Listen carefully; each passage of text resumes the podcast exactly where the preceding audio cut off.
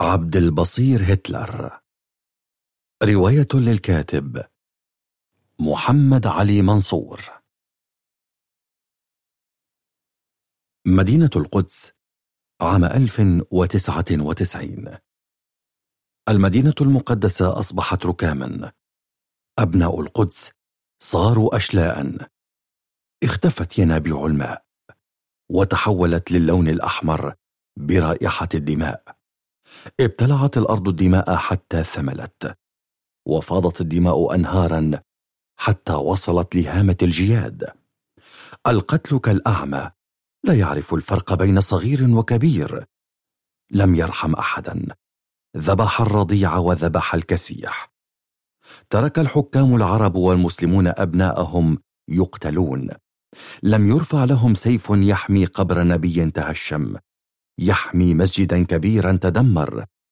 لم يحمي طفلا صغيرا. ذبح. هرب كل منهم بذهب وفضة وعار. سيلحقهم للنهاية. بينما أبناء أوروبا من ذاقوا العذاب من الرومان ليحملوا رسالة المسيح. لم يحترموا أيقونة مسيح. دمروها داخل دير كاهن صغير. دمروا داخل كنيسة كبيرة دمرت. حتى أبناء دينهم من العرب لم يتوانوا في ذبحهم كقربان لصليب صلب عليه من دعا للسلام يوما وراح من أجله.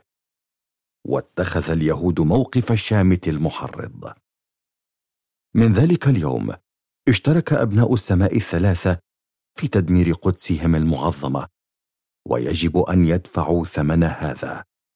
وصار العالم مكانا لحرب اليوم. جعلهم الله جميعا كالحيوانات يحاربون بعضهم من أجل الحياة. كل ما يذكر كانت رسالة صغيرة أرست قواعد عالم جديد. عثر عليها القائد صلاح الدين الأيوبي بنسخة مطابقة في قصر القدس بعد النصر. من فيليبا الثاني قائد فرسان المعبد إلى بابا روما اليوم دمرنا قدس العرب وسنخلق قدسا جديدة سنترك العرب يقاتلون أوروبا وبينما هم منشغلون سنصنع نحن نظاما جديدا. سيصبح ملوك أوروبا الجدد من نسل فرسان المعبد. سنخلق عالما جديدا تربة صالحة للحرب والموت.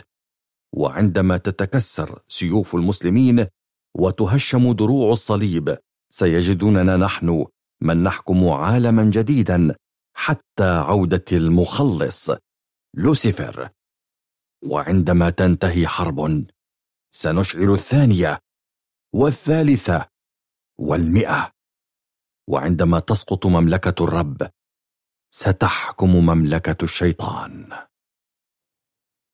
أن تشعر بالفناء هذا شعور لن تعيشه بحلم أو في كابوس. النهاية تقترب. وهذا أيضا لن تعيشه في حلم أو في كابوس بل في الواقع. ولكن ما يحدث لي الآن لم أره في أغرب أحلامي أو حتى في أسوأ كوابيسي. للأسف الشديد إنه حقيقي. أقف مغمض العينين أخاف أن أفتحهما أو لا أتمنى أن أفتحهما. أتمنى أن يزول كل ما يحدث وكأنه لم يكن. أنا الآن أذوق ما صنعته ولكني لم أعلم بأنه سيكون مر المذاق. تمنيت أن أفتح عيني وأجد نفسي بالفراش وأعود لحياتي الطبيعية التي بغبائي نقمت عليها. أنا الآن أفتح عيني رويدا رويدا لأشاهد ما لم يتوقع أحد في العالم أنه سيحدث في يوم من الأيام. دعوني أصف لكم ما أشاهده الآن. بيوت من خمسة أو ستة طوابق ولكنها لم تبقى كذلك. أجد الآن أعمدة إنارة وإشارات مرور ولكنها لم تبقى كذلك. أرى أشجارا ونباتات وأيضا لم تبقى كذلك. أرى جنودا وأطفالا وشبابا وشيوخا ولكنهم ليسوا أمامي بل إنهم أسفل قدمي. لقد دمرت المنازل وأصبحت خاوية أصغر ثقب بمنزل يتسع لمرور فيل من خلاله ويبدو أن منازل كثيرة لم يتبقى لها أسقف لأنها قد تساوت بالأرض ناهيك عن عشرات المباني التي أضرمت فيها النيران. أما أعمدة الإنارة وإشارات المرور فيبدو أن أنوارها خفتت للأبد ولكن إذا كان تبقى منها شيء صامد حتى الأشجار والنباتات لم تسلم من الدمار. هذا كل ما تبقى من برلين أو كما ألقبها أنا سيدة أوروبا المبجلة. يبدو للوهلة الأولى بأن طوفان نوح قد مر من هنا ولكن طوفان نوح لم يحرق. فلو كان مر كان سيطفئ هذه النيران. ولكن يبدو أيضا أن عذاب الله به رحمة عن بطش البشر المتجبرين. أما الجنود والأطفال فكان أسوأ ما حدث. فكانوا جميعا يسبحون في حمام أو شلال واحد من الدماء.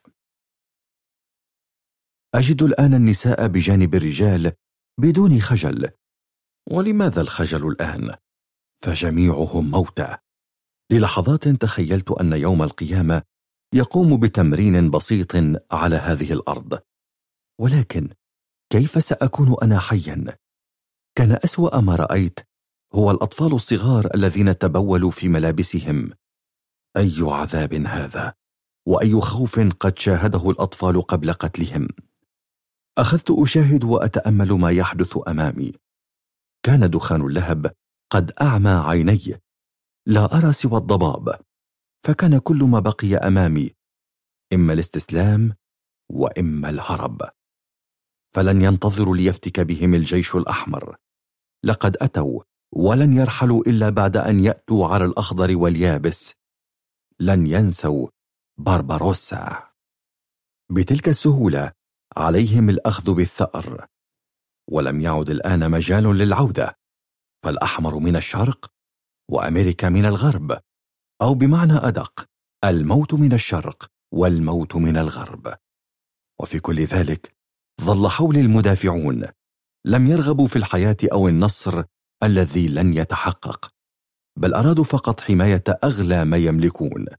لم يريدوا أن يرى أحدهم زوجته تغتصب أمام عينيه من عشرات الجنود الذين يشعرون بالوحدة بعد ترك نسائهم. ويريدون الشعور بالدفء والحنان أو يرى أبناءه أو أحفاده يقتلون أمامه. ولكن أنا لم يكن لي أحد من البداية لأدافع عنه أو الموت من أجله. لا بل لدي. أملك شخصا واحدا كما يملكني هو. ذلك الذي حقق لي أحلامي وأعطاني الفرصة مجددا للعودة من أجل أن أنتقم. ذلك الذي سمني بكلامه القوي والجميل كالعسل هو الذي توحدت أفكارنا ورغبتنا في السيطرة والانتقام ولكن ماذا حدث له الآن؟ أين أجده الآن؟ وفجأة ينتشر في الأجواء صوت إطلاق نار ما هذا الصوت؟ ما الذي حدث؟ ماذا؟ انتحر؟ لقد انتهى كل شيء بالنسبة له والآن يعطي نفسه إجازة استجمام طويلة. أعتقد أن وجهته جهنم الآن وأظن أنه قد وصل. ولكن ماذا أفعل أنا الآن؟ لم يبقى شيء لي.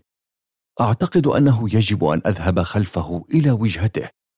فالآن لا وجهة لدي غيرها وأعتقد أن رصيدي من الجرائم يسمح لي الآن بالوصول لوجهتي. نعم يجب أن أرحل الآن. أين وضعته أين؟ أجل لقد وجدته. كم هو جميل. كل ما علي الآن أن أضعه أمام رأسي وأضغط وهو يعرف ماذا سيفعل.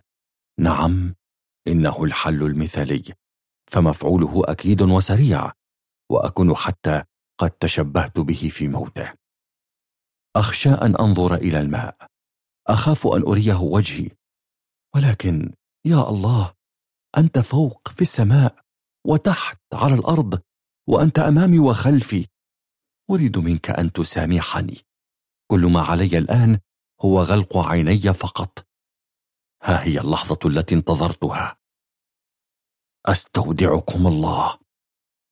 ويعلو المكان صوت إطلاق نار. على بعد آلاف الكيلومترات من عبد البصير كان شكل العالم يتغير. إشارات تلوح في الأفق عن اقتراب حرب عالمية جديدة. لم يرى العالم مثيلا لها حيث أن الأزمات الاقتصادية في أوروبا منذ عام 1929 أدت لاستنفار الشعوب على الحكام ووصل حكام وتيارات متطرفة للحكم من بينهم الفهرر أدولف هتلر. قائد عاصر الحرب العالمية الأولى. أزهى رجال عصره وأكثرهم قسوة. الرجل الأبيض اللون ذو الشعر الأحمر المنخفض دائما على جانبه. صاحب الشارب المرسومة حدوده كحدود ألمانيا بعد الحرب العالمية الأولى. كان هتلر يؤمن بأشياء عدة. أهمها بأن اليهود هم سبب كل مشاكل ألمانيا ويجب التخلص منهم. وأن ألمانيا يجب أن تسترد كرامتها من معاهدة فيرساي 1919 بعد استسلام ألمانيا فتم تحديد عدد جيشه بمئة ألف جندي وحرمت من جزء من أراضيها. على هتلر الآن تصليح الأمور. عليه توفير مساحة العيش لكل مواطن ألماني وعلى أوروبا أن تخشى وأن تطيع أوامره. وغير ذلك ستباد أوروبا بالكامل. ضم هتلر النمسا والمجر لأنه أراد توحيد الدول الناطقة بالألمانية والحفاظ على نسل الجنس الأحمر الألماني أرقى أنواع الجنس البشري كما يزعم. وقد تبقى لهتلر استرداد مضيق دانسك البولندي الأمر الذي سيؤدي لاشتعال النار التي لن تخمد. اليوم هو الأول من سبتمبر عام 1939 أول قذيفة تم إطلاقها في الحرب على ميناء دانسك. فقد استمرت المعارك داخل بولندا وتقدم الجيش الألماني بسرعة لا مثيل لها. مستخدمين الطائرات والمدافع والدبابات. في الوقت الذي خرج به فرسان بولندا على ظهور خيولهم وكأنهم في حرب صليبية. أباد الألمان كل من وقف في طريقهم في ذلك الوقت وتحرك الاتحاد السوفيتي مكملا على ما بقي من بولندا من ناحية الشرق. ماذا تفعل بولندا الآن؟ ألمانيا من الغرب والسوفييت من الشرق. تجزأت بولندا لجزء ألماني وجزء سوفيتي. تقابل الجنود الألمان والجنود السوفييت مرحبين ببعضهم البعض. لم يتوقع هتلر تحرك بريطانيا أو فرنسا. ولكن كانت المفاجأة. هبت بريطانيا وفرنسا لمساندة بولندا من أيدي هتلر الذي ظنوا به الضعف واستخفوا بقدراته حيث في الساعة الخامسة والنصف صباحا أعلنت بريطانيا الحرب على ألمانيا وفي الساعة الخامسة مساء من نفس اليوم الثالث من سبتمبر أعلنت فرنسا الحرب. وبالتأكيد ستساندهما اليونان وبلجيكا وهولندا وغيرهم. لم يبقى الموضوع لهوا أو توسعا ألمانيا. إنها باتت حربا أوروبية على القارة البيضاء. الآن ذبح أبناؤها بعضهم. وزينوها باللون الأحمر. ولكن كان هتلر قد عزم أمره فيما سيفعله. سيوجه كل قدراته الآن نحو الغرب. سيقوم باحتلال فرنسا. نوفمبر عام 1939 المملكة العربية المصرية. أعزائنا المستمعين إليكم هذا النبأ الهام. نظرا لما يشهده العالم من حرب نهيب بكم إغلاق الأضواء والمصابيح عند سماع صوت الغارة حتى لا تتعرض منازلكم للقصف الجوي من الطيران الألماني. لقد كان هذا بيانا يذاع عبر الإذاعة المصرية حيث يتم فيه تنبيه المواطنين من أخطار الغارة حيث أن أحدا لا يعلم. وأكمل المذيع. يحتفل اليوم ملكنا المعظم فاروق الأول ملك مصر والسودان مع عدد من البشوات والبكوات بعيد ميلاد كريمته الأمي. أغلقي هذا الصداع يا زينب. حاضر يا أمي. أغلقت زينب المذياع وتطلعت بعينيها الصغيرتين تنتظر عودة أخيها عبد البصير من الأرض حتى لاح خياله في الأفق. لقد عاد عبد البصير يا أمي. هيا إذن لنجهز الطعام.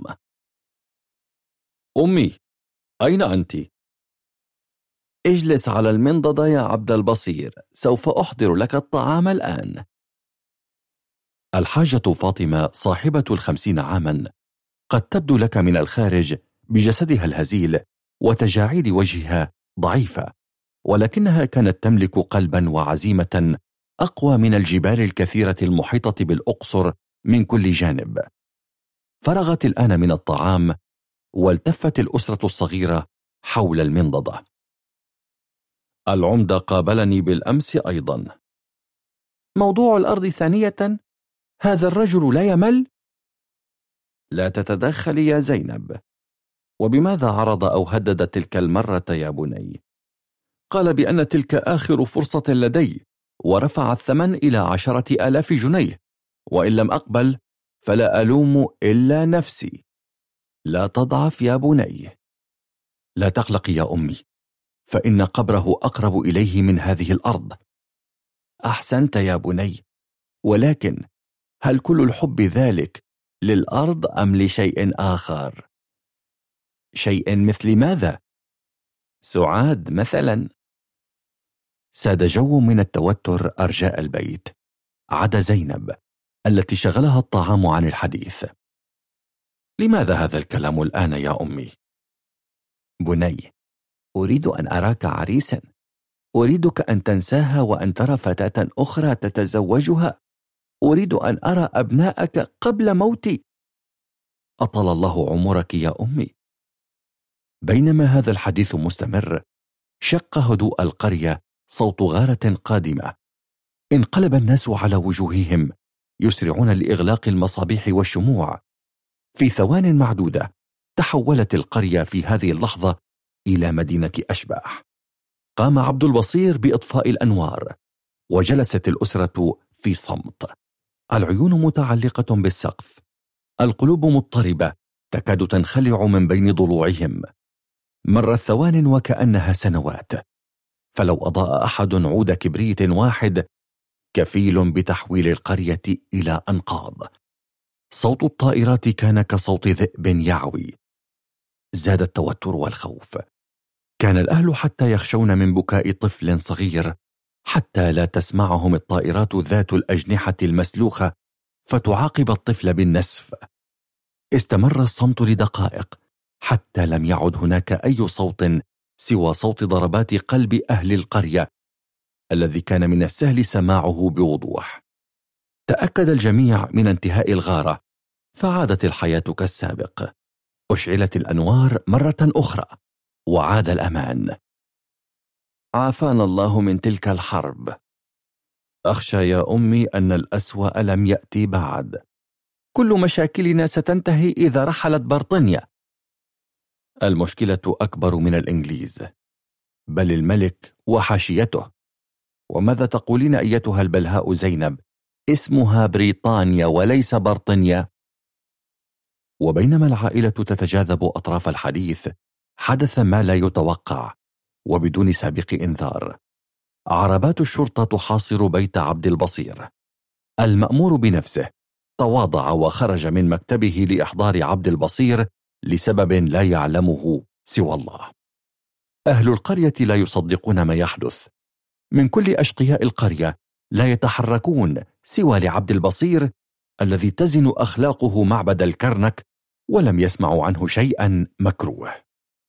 أمر المأمور العسكر بالقبض على عبد البصير الذي خرج لهم بدهشة هو وعائلته التي سرعان ما تحولت لبكاء من زينب وتماسك من الحاجة حتى عبد البصير لم يكد يقل شيئا فسرعان ما أودعه العسكر في العربة وتحركوا به.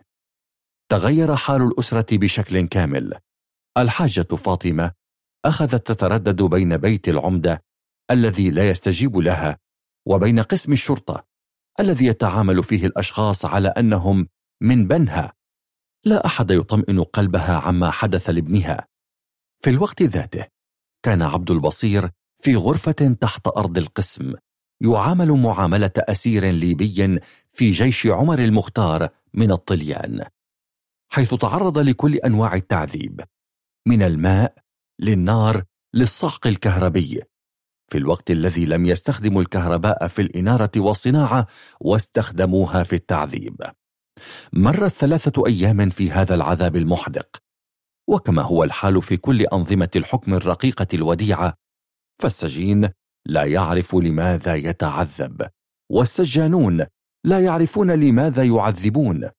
وأخيرا قرر المأمور وقف كورس التعذيب اليوم لعبد البصير وأمر بإحضاره إلى مكتبه. سيدي المتهم بالخارج. أدخله وأغلق الباب. يدخل عبد البصير يرسف في قيوده غير قادر على الحركة. يبدو أن العسكر قد بالغوا بالترحيب به.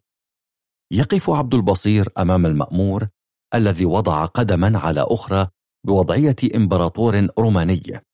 وخلف عبد البصير يقف أحد العساكر الذي يبدو عليه أنه من فصيلة يأجوج ولكن لم يحضر أحد من فصيلة مأجوج معه اسمك وسنك وعنوانك عبد البصير السيد إمام إحدى وعشرون سنة وأسكن في بيت والدي الحاج سيد إمام القرنة بمدينة الأقصر أنت موجه لك اتهام في قضية سرقة سرقة؟ من؟ وأين؟ أنا لم أسرق أحدا. أقسم لك بذلك. بيد تشبه الجاروف. نزل العسكري على ظهر عبد البصير محدثا صوت رقع تسع طبول في وقت واحد.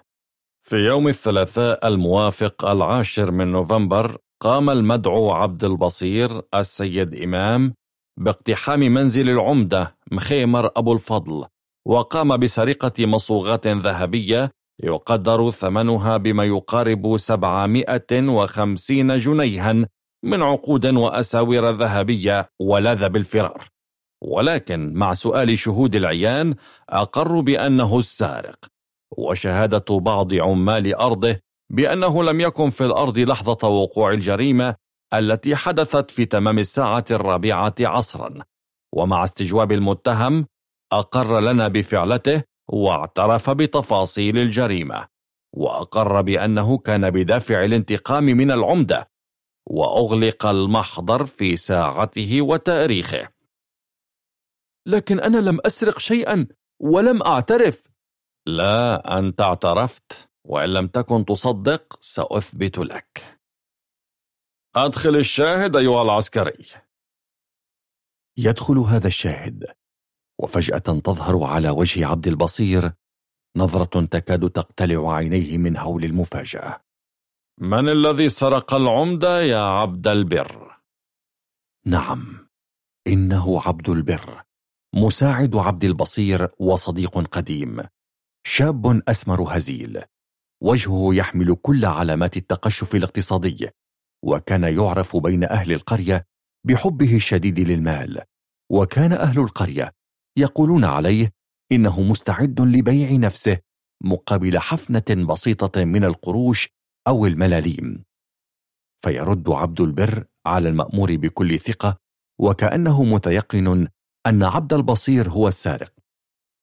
إنه عبد البصير يا سيادة المأمور. إذا أخبر عبد البصير فإنه لا يصدق. لدقائق تبادل الاثنان النظرات. نظرة عبد البصير الغير مصدقة ونظرات عبد البر الممزوجة بالشماتة الذي قدم صديقه كقربان للعمدة الذي أعطاه وعد بالفور للحصول على المال والعمل. يمكنك الآن الانصراف يا عبد البر. كان تأثير خيانة عبد البر لعبد البصير أكبر من تأثير ثلاثة أيام من التعذيب المتواصل بدون فواصل. كان بمثابة طعنة في الظهر وبصوت متهدج. كذب يا سيدي أقسم لك. فيرد المأمور بصوت ساخر. أعلم يا عبد البصير وأعلم أنك ولد صالح ولا تفعل ذلك. إذا أنت تصدقني. أصدقك ولكن ماذا أفعل؟ كل الشهود والأدلة ضدك. العمدة استخدم ماله وسلطته ضدك أيها المسكين قليل الحيلة. أرجوك فلتساعدني إذا. أتمنى ذلك ولكن لست أنا من بإمكانه مساعدتك. من إذا؟ ليس شخصا بل إنه شيء أكبر من ذلك ولكنك لا تريد أن تعرفه. يجب عليك فقط أن تنفذ كل الأوامر المطلوبة منك بدون تردد. وإلا ستشرفنا هنا فترة لا بأس بها. سأفعل كل ما يطلب مني. أريد فقط أن أخرج من هنا. أرجوك أنا لدي عائلة لا يجب أن أتركهم بمفردهم أمام العمدة. اتفقنا إذا ولكن أولا ستبقى معنا يومين حتى أخبرك بما يتوجب عليك فعله. ولا تقلق سنحسن معاملتك تلك الفترة. أثناء ما كان عبد البصير في محبسه يفكر فيما سيحدث له وما هي المهمة التي سيكلفه بها المأمور وكيف ستساعده على الخروج من ورطته؟ كانت الحرب تأخذ شكلا آخر. كانت الحرب في جميع المجالات العسكرية والسياسية والاقتصادية والعلمية حتى الفنية والاستخباراتية. فمن يعمل سينتصر ومن ينتج سينتصر. أخذ الاتحاد السوفيتي حليف اليوم وعدو الغد في دعم هتلر. أمده بالقمح والسلاح والحديد. اليوم ترسانات موسكو تعمل من أجل هتلر. اتخذت الحرب شكلا جديدا. فلقد أقحم هتلر المدنيين في حرب إبادة حيث قام طيران ألمانيا بقصف المدن والموانئ والقرى والبيوت والمدارس والمستشفيات. اشتعلت النيران في مدن بأكملها. هاجم مدينة وارسو في العشرين من سبتمبر.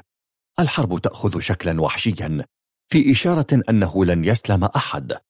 صرخات الأطفال تعلو وازداد نحيب النساء. ودع الرجال عائلاتهم في محطات القطار. مات المئات وتم تشريد الآلاف. لم يكن ينقص الجيش الألماني سوى ارتداء خوذات بقرون ليعيدوا سيرة التتار أساتذتهم العظام. في الوقت ذاته تولى شيطان بشري منصب رئيس وزراء بريطانيا. تشرشل رجل ذكي لا يقل شرا ولا وحشية من هتلر. في الوقت ذاته كان يعاني عبد البصير وزملاؤه من جحيم جهنم الذي هبط على الأرض من أجل تعذيب عبد البصير. وتحولت جزيرة جيرسي أمامهم إلى قدر لا مفر منه سوى الموت. ولكن ولكن عبد البصير ما زال في محبسه. غرفة معتمة لا يوجد بها نافذة. لا يصلها ضوء سوى بصيص من بين قضبان السجن. لا تستطيع فيها تحديد زمن أو ساعة أو حتى أنت في الليل أو النهار. قم! ينفتح باب مغارة علي بابا. هيا يا عبد البصير الباشا في انتظارك. يعود عبد البصير للمأمور الرجل ذي الوجه العابس صاحب الشارب المجزوز بآلة جز عشب قديمة يمتلك رأسا تشبه الماس. إذا سقط عليها الضوء أشاعت بل وتعكس الضوء أمامها فهو أصلع لكنه يخفيها بطاقيته العسكرية ولكنه كان يمتلك هيبة دوق إنجليزي. المتهم بالخارج يا سيدي. أدخله ولا تضع أحدا يدخل معه. أريده بمفرده وأحضر لي فنجانا من القهوة السادة. أمرك يا سيدي. كيف حالك الآن يا عبد البصير؟ بخير يا سيدي. أعتقد أن جروحي التأمت قليلا. لا لا ستصبح أفضل وحتى لا أعطلك سأدخل في صلب الموضوع مباشرة. أرجوك يا سيدي. أتعلم ما هو مصدر المال وسلطة العمدة؟ لقد كان العمدة أحد الغوغاء الذين لا قيمة لهم ولكنه كان ذكيا عرف طريق الوصول وأصبح من السادة لماذا تقول لي هذا الكلام يا حضرة المأمور؟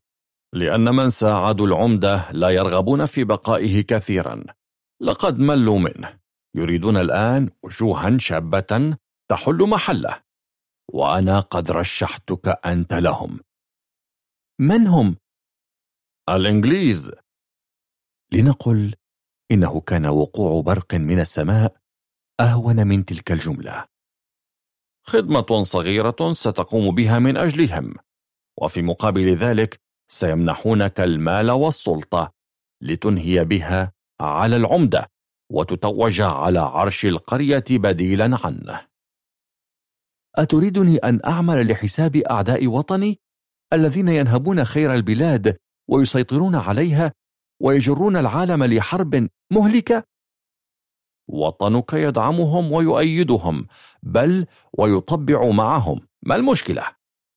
سيدي قل حكامك يدعمونهم وليس وطنك عزيزي دعني أحكي لك قصة صغيرة فأنت لا تفهم شيئا بعد في السياسة. كان هناك راقصة تعمل في الأفراح باجتهاد. حتى ادخرت وجمعت مالا كثيرا يكفي لفتح بار أو خمارة كما يقولها المصريون. المهم جهزت البار وبدأت العمل به. لم يكن هناك مشاكل سوى الجمهور العظيم صاحب الأيدي الخبيثة والنظرات الثاقبة. لم تسلم منها. أخذت تبحث عن حل. قررت الاستعانة بشخص يحرسها. وظيفته أنه بلطجي. وفعلا انتظم الوضع وصارت الأمور جيدة. ولكن بعد فترة بدأ هذا الشخص بالسرقة والنهب. بفترة وجيزة علمت الراقصة. ولكن ماذا تفعل؟ تطرده وتعود مرة أخرى لتطاول الزبائن؟ فكرت في جلب بلطجي آخر ولكن عندما واجهته وطردته هددها بأنه سيزين وجهها بماء ورد جميل يكفي لتحويل وجهها لخريطة كوكب الأرض قبل سبعة عشر مليون سنة. فما كان من الراقصة سوى الانصياع لرغباته حيث تركته يسرق وينصب. أصبحت تدير وجهها من أجل أن تسير الحياة فهي لن تخسر كثيرا وهو لن يتوقف عن جشعه. يبدو أنك لم تستوعب جيدا يا عبد البصير لكن لا تقلق. لا أريد منك أن تفجر نفسك من أجلهم. هي مهمة بسيطة واحدة ستفعلها وسينسوك بعدها تماما طبعا بعد أن يكافئوك. وإذا أردت الاستمرار معهم فهم سيرحبون بك. ألست تعرف قيادة السيارات؟ نعم يا سيدي. إذا بإمكانك الرحيل الآن وبعد أسبوع تأتي إلي. نحن نعيش في ترف يا عبد البصير. نعم ترف الإنجليز يقتلون ترف الملك يستبد ترف حاشيته تنهب ترف هذا لا يقارن بما يحدث بالعالم بالخارج. ألا تعلم بأمر الحرب؟ حرب أوروبا نعم أعلم بها. أنت لا تعلم شيئا ولا أحد يعلم شيئا. الجندي المحارب في الميدان لا يعلم شيئا. الضابط الذي يأخذ أوامر لا يعلم شيئا. ما يحدث سوى لعبة ملوك يحيون جنودهم وهم ذاهبون للمعركة. لا يعودون سوى في صناديق وأشلاء. لا يعلمون لماذا ذهبوا ولا لماذا حاربوا ولا لماذا قتلوا. عليهم فقط العودة بالذهب والأراضي. هذا هو حكم الفوضى وعندما تحكم الفوضى فاعلم أن القيم قد استشهدت قبل أن تتوج الفوضى لتبدأ مهمتك الوحيدة. خيم الحزن وغلب أجواء البيت. لم يخلو المنزل من زيارات الأقارب والجيران الذين جاءوا ليطمئنوا على عبد البصير فور عودته. أخبر الجميع بأنهم احتجزوه لتأدية الخدمة العسكرية ولكن بعد معرفة حالته الاجتماعية حصل على إعفاء. وصدقه الجميع بطيبة قلب أو رغبة في التصديق فحتى لو كان ذلك حدث بلا أسباب فلن يستطيعوا فعل شيء للمأمور أو العمدة. عاد الحاجة فاطمة التي لم تنطلي عليها أكاذيب عبد البصير.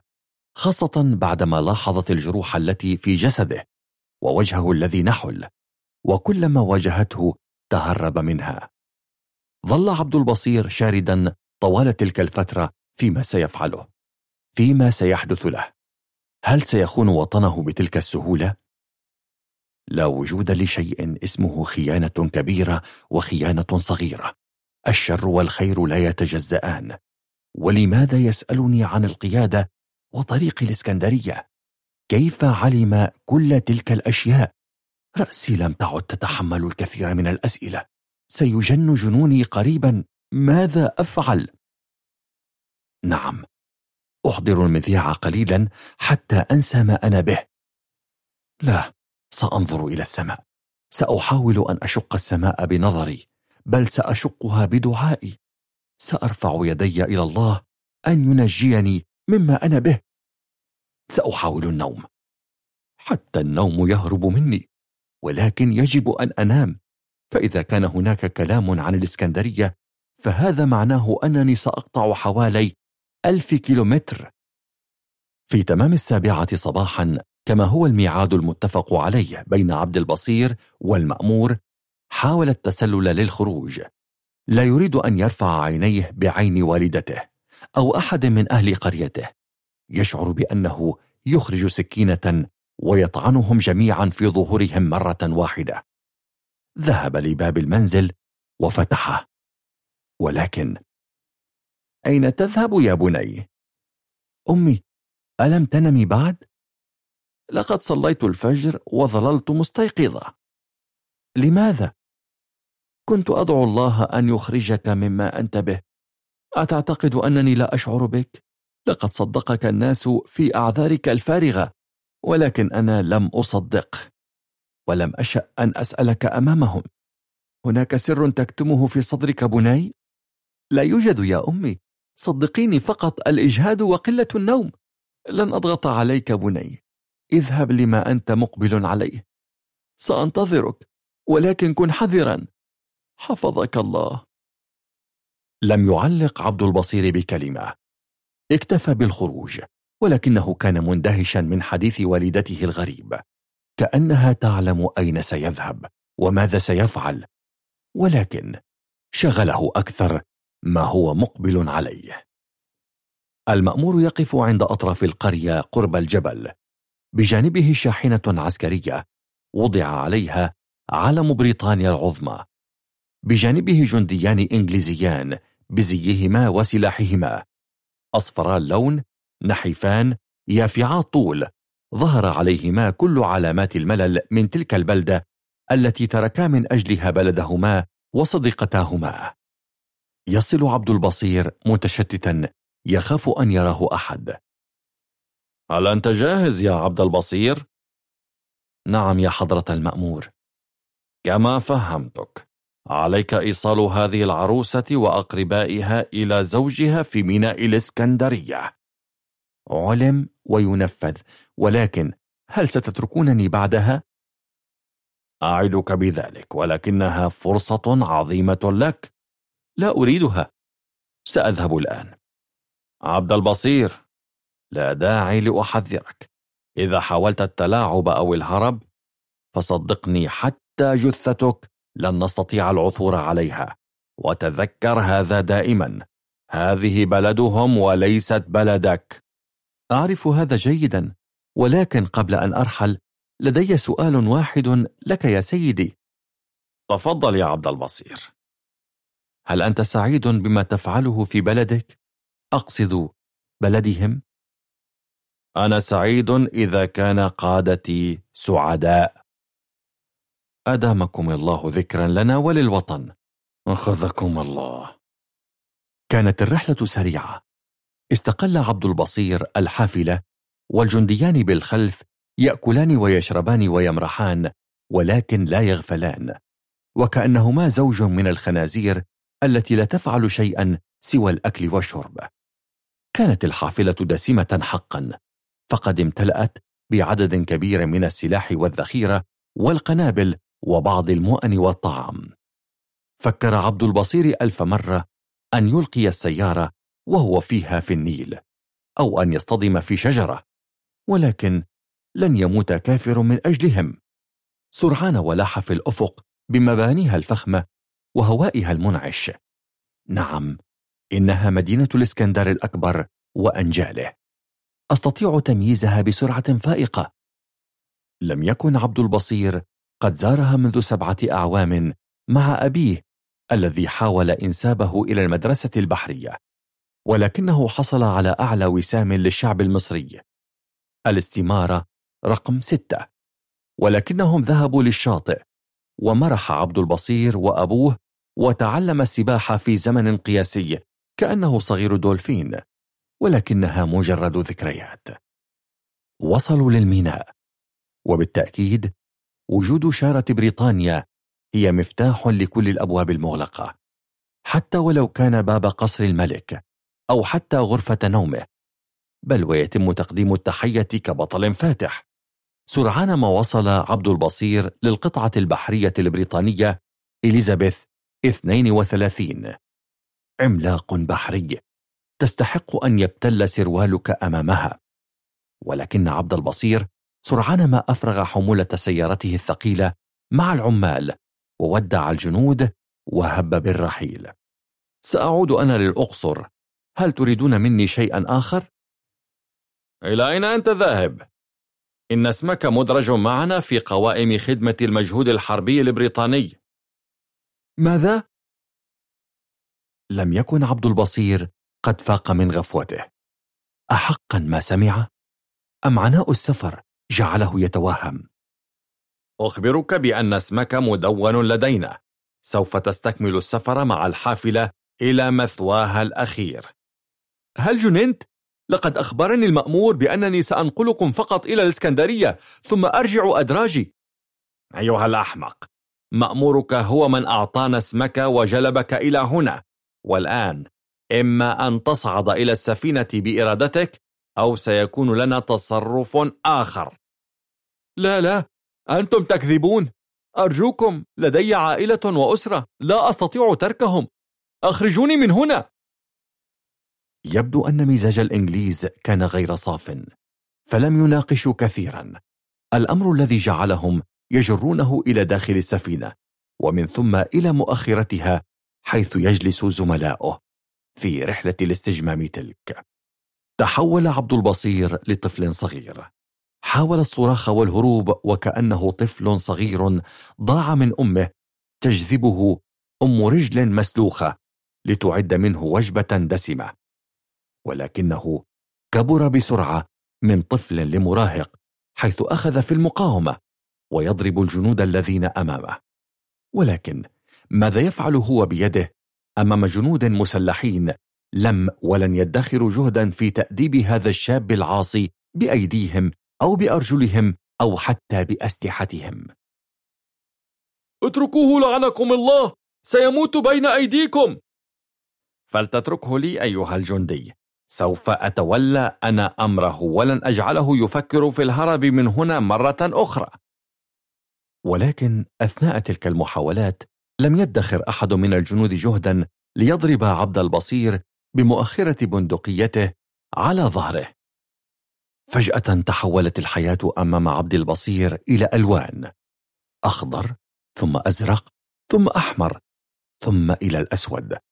وسرعان ما غاص في سبات عميق. بدا كل شيء جاهزا. امتلأت معدة الصغيرة إليزابيث 32 بسلاح ووقود وخيرات الشعب المصري. بل وأبناء الشعب المصري وغيرها من الأشياء. هي الآن جاهزة لتسبح في المتوسط إلى المكان الذي يجب أن تذهب إليه ولا أحد يعلمه سوى القليل. عليها أن تلتزم السرية حتى لا تكون تلك النعجة السمينة صيدا سهلا لذئاب هتلر الجائعة. أطلقت صافرة الوداع التي هز صوتها أرجاء المدينة. ركب الجنود رفعت المراسي وأخذت طريقها هل استفاق يا شيخ؟ سيفيق الآن مجرد كدمة بسيطة أعتقد أنه يفتح عينيه انتظر بني هل تراني؟ كم هذا الرقم؟ ثلا... ثل... ثلاثة حمدا لله على سلامتك بصعوبة يفيق عبد البصير ويفتح عينيه على الشخصين الغريبين شعر أنه قد سمع صوتهم قبل الآن ولكن عقله مشوش في تلك اللحظة أما زلنا على السفينة في الإسكندرية؟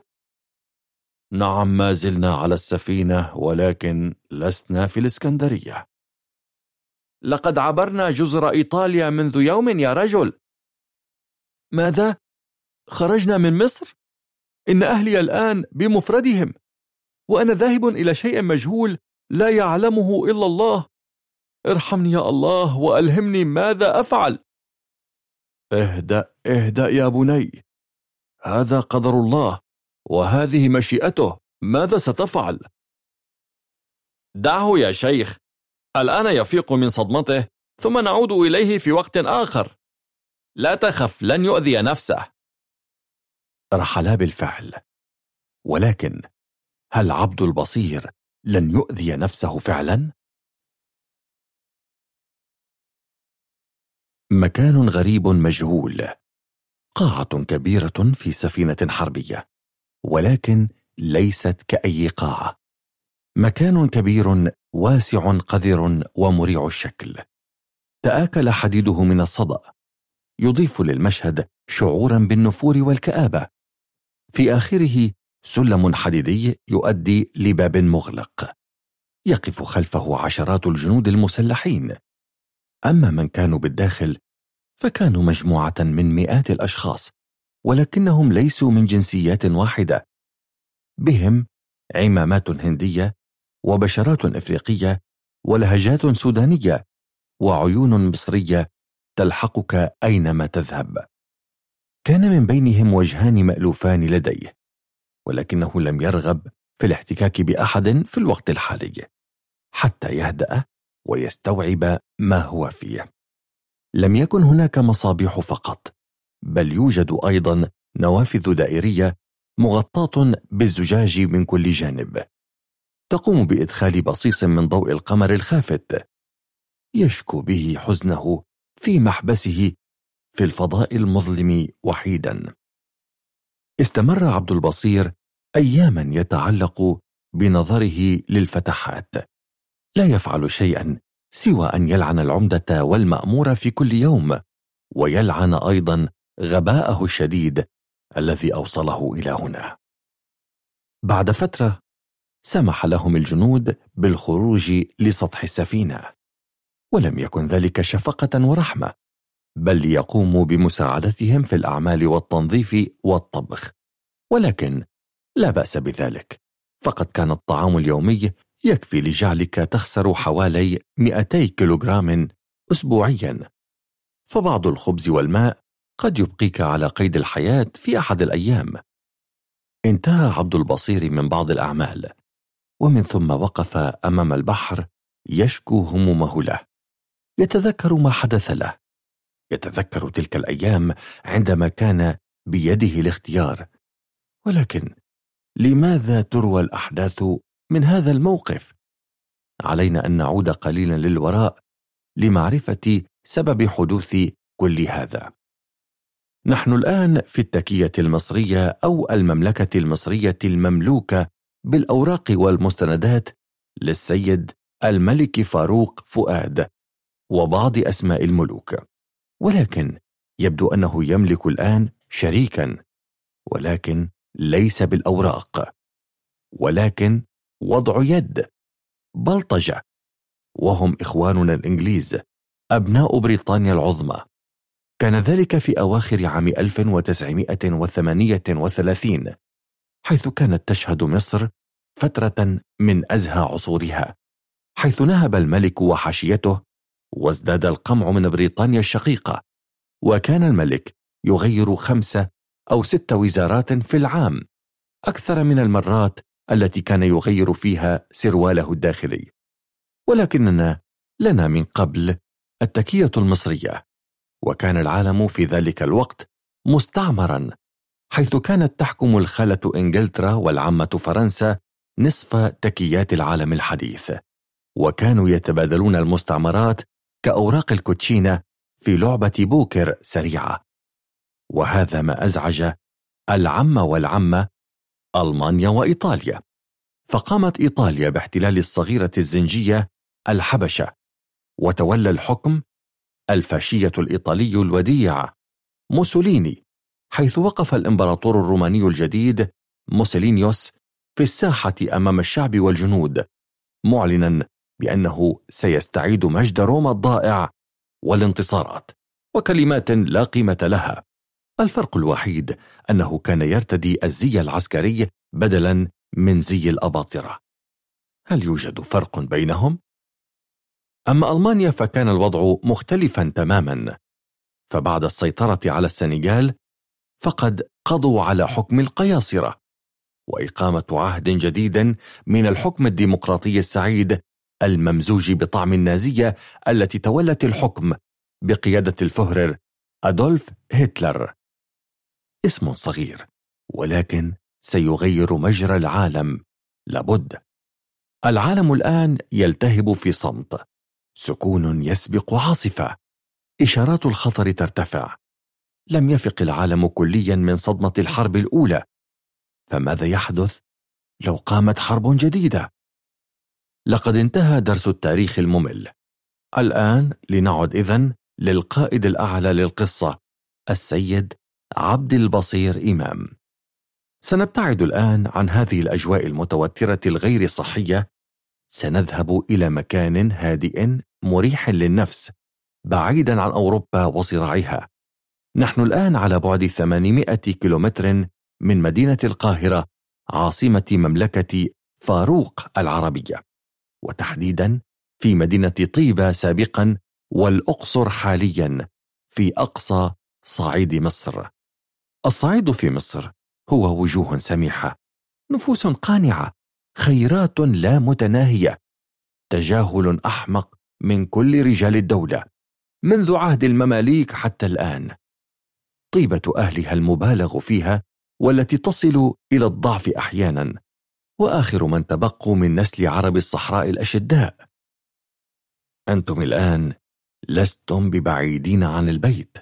فقط اعبروا البر الغربي من النيل فأنا أسكن في منطقة القرنة أو الجرنة بنطق أهلها.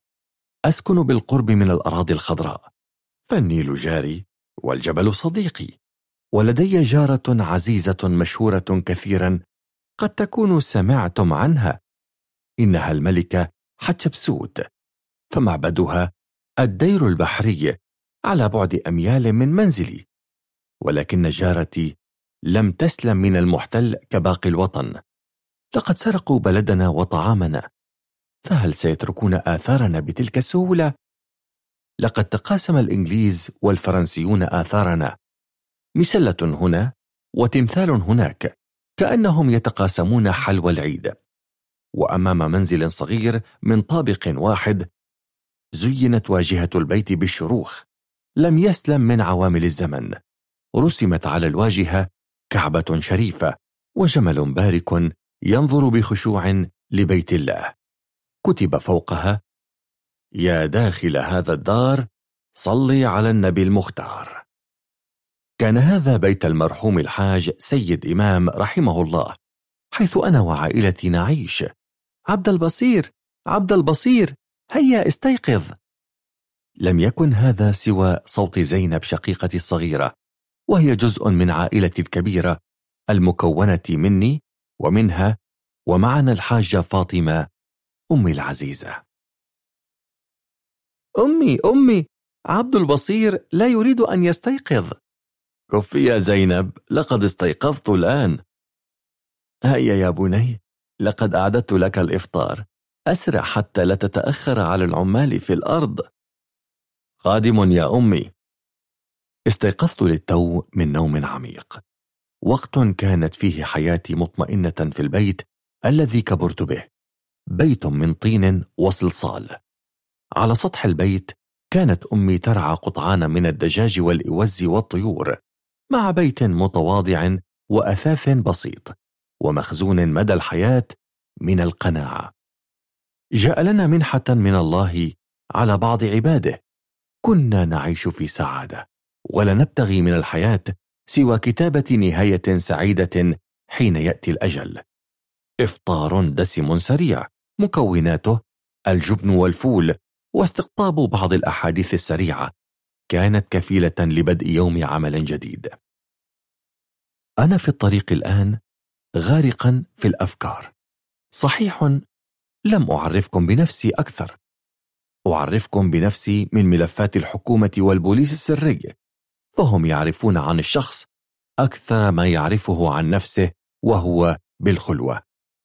الاسم عبد البصير السيد إمام ابن الحاج سيد إمام وكان إمام وخطيب جامع القرية.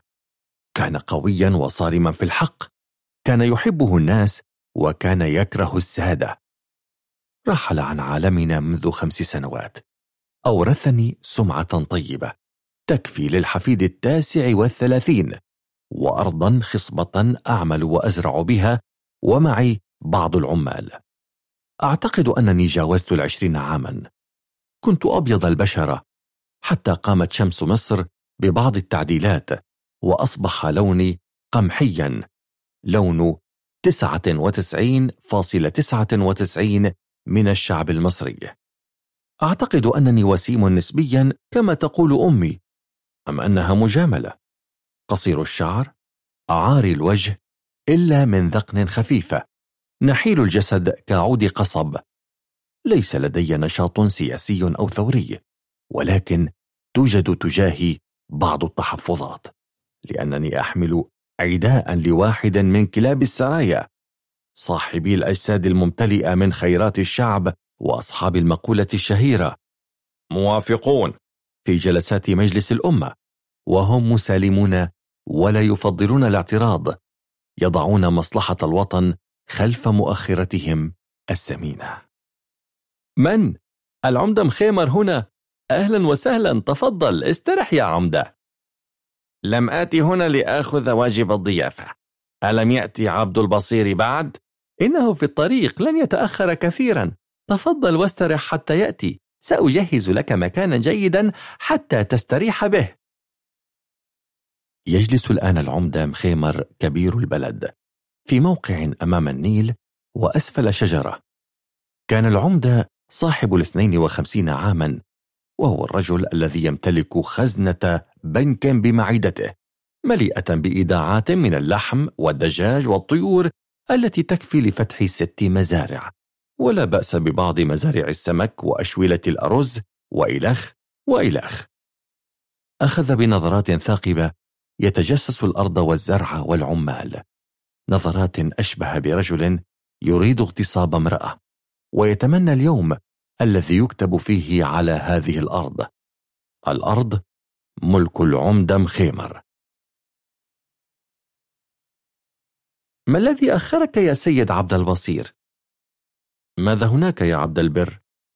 الضيف الأسبوعي الثقيل بانتظارك كان يوم عبد البصير على ما يرام حتى سمع بمجيء نبوخذ نصر الثاني أو مخيمر العمدة فكلاهما واحد وبنظرة مشمئزة نظر عبد البصير للثور الذي فقد قرونه وذيله المنتظر على أرضه وكأنه هو الضيف والعمدة هو صاحب الأرض. شرع عبد البصير في التحرك تجاه العمدة وقد لاح بخياله اليوم الذي سيقضي عليه فيه. وتخيل نفسه أوزيريس يذهب للعمدة ست ليفصل رأسه عن جسده المترهل ولكن كان ينقص قصته فقط سيدة الحسن والجمال إيزيس. للأسف كانت سيدة الحسن قد انتقلت في تلك القصة من بيت أوزيريس إلى هيلتون ست الفاخر. فإيزيس في تلك القصة هي سعاد. سعاد. وهل ينسى أحد سعاد؟ سعاد بنت الحاج خيري فيرجينيا جميلة جميلات الأقصر. حلم عبد البصير منذ الطفولة. منذ رؤيته لها تعقد خصلات شعرها الصفراء التي تتوهج عند اقتراب الشمس منها. فتشتعل نار قلب عبد البصير ليخرج دخان من عينيه له تأثير العطر. ولكن كان يبدو أن هناك شخصا آخر قد انضم للحفلة. وهل يوجد غيره؟ نعم إنه العمدة. ولكن العمدة مع 200 كيلوغرام وبعض المال الكثير جدا تبدو فرصته أقوى وخاصة أن الحاج خيري والد سعاد كان يحب المال كصديق طفولة حرم منه ودارت الأحداث سريعا بين حسن وعزيزة الأقصر حيث تتلخص القصة في خمسة تواريخ. واحد. السبت اللي بعد حنة سماح أخت سعاد. أخذا على بعضهما المواثيق والعهود بتكملة مسيرة الحب الأبدي الذي نسي ترياق الأبدية وعدم التفرق ووقع كل منهما وثيقة المحاربة على حبه. ولكن كانت أمريكا منشغلة فلم يحضر مندوبها للمشاركة في التوقيع. اثنان الأربع اللي بعد دخلة سماح أخت سعاد. يتقدم العمدة لطلب يد سعاد من الحاج خيري ومعه بعض المال وكثير من الهدايا التي هي بمثابة الرشوة لوالد سعاد الجشع التي أخذت عينه في الاتساع عندما رأى هذه الهدايا والأموال. ثلاثة يوم الجمعة رابع أيام شهر رمضان عبد البصير يقابل الحاج خيري ملتمسا كل الطرق ليظفر بحبيبة القلب. ولكنه لم يجلب سوى بعض الأعذار وكثير من الوعود فضاقت عين الحاج. أربعة. الثلاثاء الموافق ليلة القدر المباركة. الحاجة فاطمة تحاول إقناع الحاج خيري مستغلة سمعة المرحوم الحاج سيد إمام وسعاد تقسم حتى الرمق الأخير أنها لن تكون سوى لعبد البصير. خمسة. الأحد ثالث أيام عيد الفطر المبارك. ليلة زفاف العمدة مخيمر على صاحبة الستة عشر عاما والسيدة الأولى للقرية سعاد. المال ينتصر في النهاية ولكن العمدة الآن يريد شيئا أكبر ولن يتوقف حتى يجرد عبد البصير من كل شيء. خير يا حضرة العمدة. ما أخبارك وأخبار العائلة؟ بخير الحمد لله يا حضرة العمدة. أرجو الدخول في صلب الموضوع لأتفرغ لعملي. أخذ العمدة يلقي متتابعة بين عبد البصير والأرض التي اكتست بلون القمح الذهبي والنيل الذي يحتضن الأرض وأشعة الشمس المتسربة من سماء زرقاء اللون تضيف رونقا جميلا في نفس العمدة. الذي كان ينظر باستعلاء لعبد البصير مستنكرا عليه تلك الأرض التي تشعرك للحظات أنها سقطت من أرض الجنة وأن عبد البصير اشتراها من رضوان حارس الجنة والتي أضفت على عبد البصير نوعا من الحزن.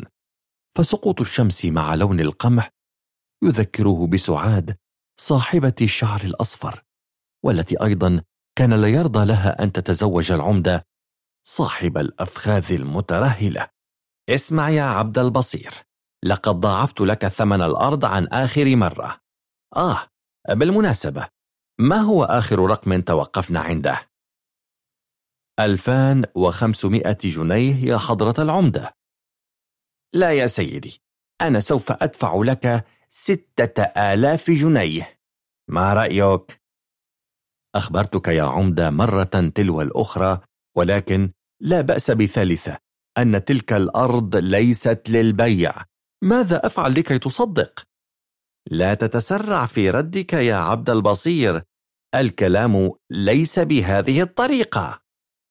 أخبرتك مرارا يا عمدة أن تلك الأرض ملك أبي وجدي وجد جدي ولن أفرط بها حتى تصل لأحفادي وهذه وصية أبي ورأي أمي. عبد البصير أنت شاب والحياة أمامك كبيرة. أنت تعلمت القراءة والكتابة وتعلمت اللغة الإنجليزية بسهولة من الاختلاط بالإنجليز والزوار. فلتأخذ بنصيحتي وخذ المال وقم بالسفر إلى القاهرة.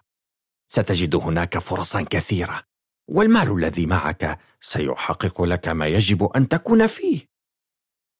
يبدو أن هذا الكلام قد أزعج عبد البصير الذي لا يريد ولا ينوي حتى التخلي عن أرضه والهروب من المشكلة. فرد عليه بصوت حازم وقوي أتريد أن تطردني من بلدي يا عمدة؟ أنا لست جبانا لأفعل هذا. وفجأة تحول العمدة من ثعلب يمكر إلى أسد يزأر. اسمعني جيدا لن أطيل معك الحديث. هذه الأرض ستصبح ملكي. بالأدب ستصبح ملكي بالاستبداد ستصبح ملكي. أعطيك فرصة أخيرة لتبيع بكرامتك وليس رغما عنك. فيرد عبد البصير على هذا الكلام ويكاد يتمالك نفسه ويسيطر على يده حتى لا تضرب كيس اللحم هذا بابتسامة باردة. شرفت يا عمدة. رحل العمدة ووجهه يمتلئ بعلامات الغضب والوعيد وذهب إلى عربته ليرفعه رجاله على جواد مسكين يخشى من انقسام ظهره من تلك الحمولة من اللحم المترهل. يرحل العمدة وكأنه فرعون مصري يتم حمله على المحفة بواسطة عشرات من الرجال الأشداء يفكر فيما سيفعله للانتقام من عبد البصير. في نفس المدينة وفي نفس القرية يوجد مبنى منخفض مكون من طابقين. مبنى فقير البنيان من الخارج تملأه الشروخ كان هذا قسم شرطة القرية. في داخله سجون قذرة لا تليق حتى بلص ملابس. وكان به مكتب للحظات تعتقد أنك دخلت غرفة في فندق هيلتون. كان مكونا من راديو ومقاعد فخمة وهاتف وبعض النجف الكريستال لم يكن هذا سوى مكتب مأمور القسم. تحت أمر سيادتك وأرجو منك أن تشكر الباشا الكبير بالنيابة عني. ويدخل العسكري باب الغرفة بسرعة وكأن هناك من يطارده ويقول للمأمور بصوت يشبه صوت العبيد المرغمين على العمل حضرة العمدة مخيمر في الخارج ويطلب إذن الدخول. أدخله فورا. يدخل العمدة إلى المكتب ويرحب هو بالمأمور بكل حرارة وشوق وليس العكس. فيرد المأمور الترحيب ويأمر العسكري بالخروج وألا يسمح لأي شخص بالدخول إليهم. فيخرج العسكري ويغلق الباب وراءه تاركا إياهم يخططون ويكيدون. ماذا هناك يا عمدة؟ إن زوجتي قد اتصلت بي منذ ساعة وأخبرتني بما أرسلته للبيت من فاكهة وخضروات ولحوم. إن هذا لكثير يا عمدة. إن هذه هدية وكما يقولون النبي قبل الهدية. حسنا هدية مقبولة. هل الهانم زوجة سعادتك قد أعجبت بهذه الأشياء؟ يضحك المأمور. أجل يا عمدة وتشكرك كثيرا. لا شكر على واجب يا حضرة المأمور. هذا من بعض ما عندكم. أخبرني ما هو الشيء الخطير الذي تريدني من أجله؟ آه صحيح. ماذا تريد أن تشرب؟ شكرا لا أريد شيئا. ولكن دعنا نكمل موضوعنا. أرجوك لا تخبرني أنه موضوع أرض الولد عبد البصير. وهل يوجد غيره يا جناب المأمور؟ لقد مللت الحديث عنه ألم أخبرك أن تضاعف له الثمن وسيوافق؟ نعم لقد فعلت هذا ولكنه عنيد مثل أبيه لا تقلق يا عمدة هذا الموضوع أصبح الآن بين يدي وسوف أنهي الموضوع بطريقتي الخاصة إذا فعلت هذا حقا يا جناب المأمور أعدك أنني سأنفذ كل طلباتك. إنه ليس بموضوع الأرض أكثر من اشتياقي لرؤية عبد البصير مذلولا أمامي. سأنهي لك ذلك الموضوع ومن ثم نتفق.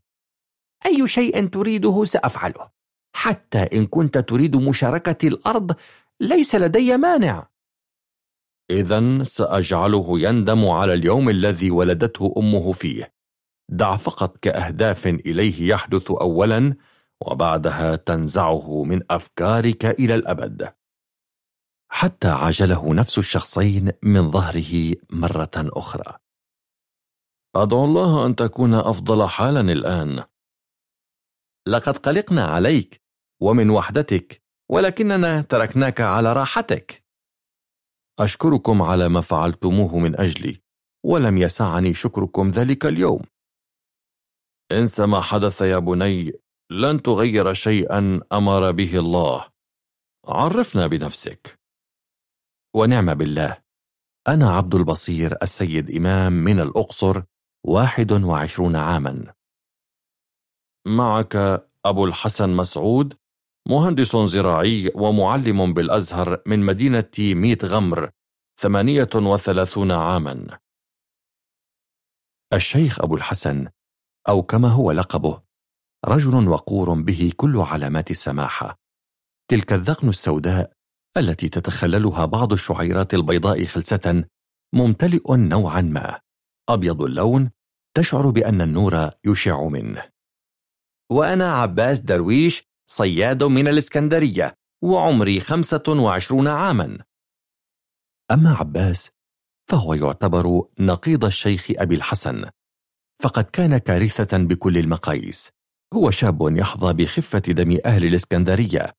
لا يقف ثابتا أبدا. لابد أن يحرك جسده أثناء الحديث. خمري اللون نحيف جدا شعره طويل وعلى عكس الشيخ يبدو أنه لا يعرف شكل المسجد من الداخل. ولكن كيف لتلك الشخصيتين أن تنشأ بينهما علاقة صداقة أو حتى زمالة باختلاف كبير. ولكنه عندما يكون الإنسان في أزمة لا يعرف ماذا يفعل. يبدو أنهم يعانون مثلي. أخذنا نتقلب المواضيع والأحاديث كأمواج البحر. لم أشأ أن أسألهم عن الشيء الذي لم يشاءوا أن يسألوني عنه. توطدت العلاقة بيننا. صرنا إخوة. فلم يبقى لنا الآن سوى بعضنا البعض. نتبادل الأحاديث حتى يمر الوقت وننسى ما نحن به. تعرف يا شيخ أنت وعبد البصير أنا متفائل جدا. لماذا؟ أولا لأننا غادرنا تلك البلد التي لا فائدة منها فالشعب يزرع والملك يحصد وحده ولكننا سنسافر إلى أوروبا حيث سنعمل في المصانع أو الحقول ونأخذ مالا كثيرا. ونرى الفتيات الأوروبيات. لم ترهم أنت يا شيخنا. تظنهم حور عين في بعثة على الأرض. بدلا من أن تفكر في النساء فكر في الله حتى يخرجنا مما نحن فيه. ولكن لدي سؤال. ما كل هؤلاء البشر الذين تجمعوا معنا؟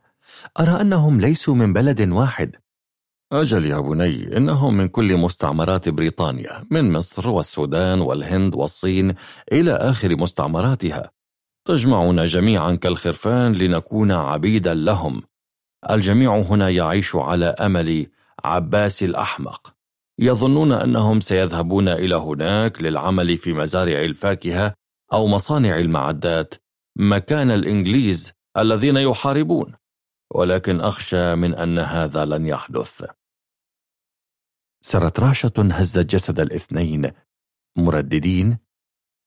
ولماذا؟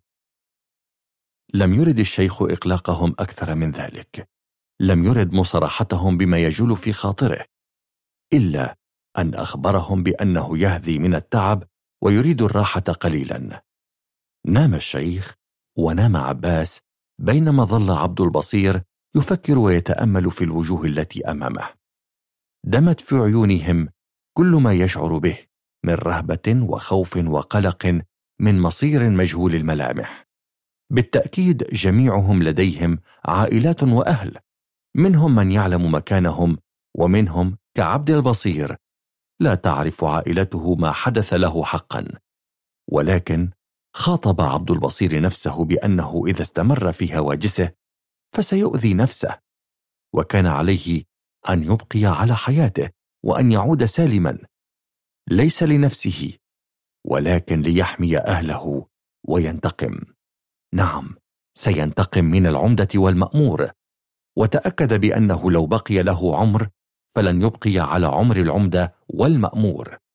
تمنى لو يختفي كل الناس من على السفينة عدا أصدقائه ويبحر بها في النيل حتى قريته ويسدد مدافعها القوية تجاه بيت العمدة وقسم المأمور حتى لا يبقي جدارا قائما ولكنها لم تكن سوى أحلام.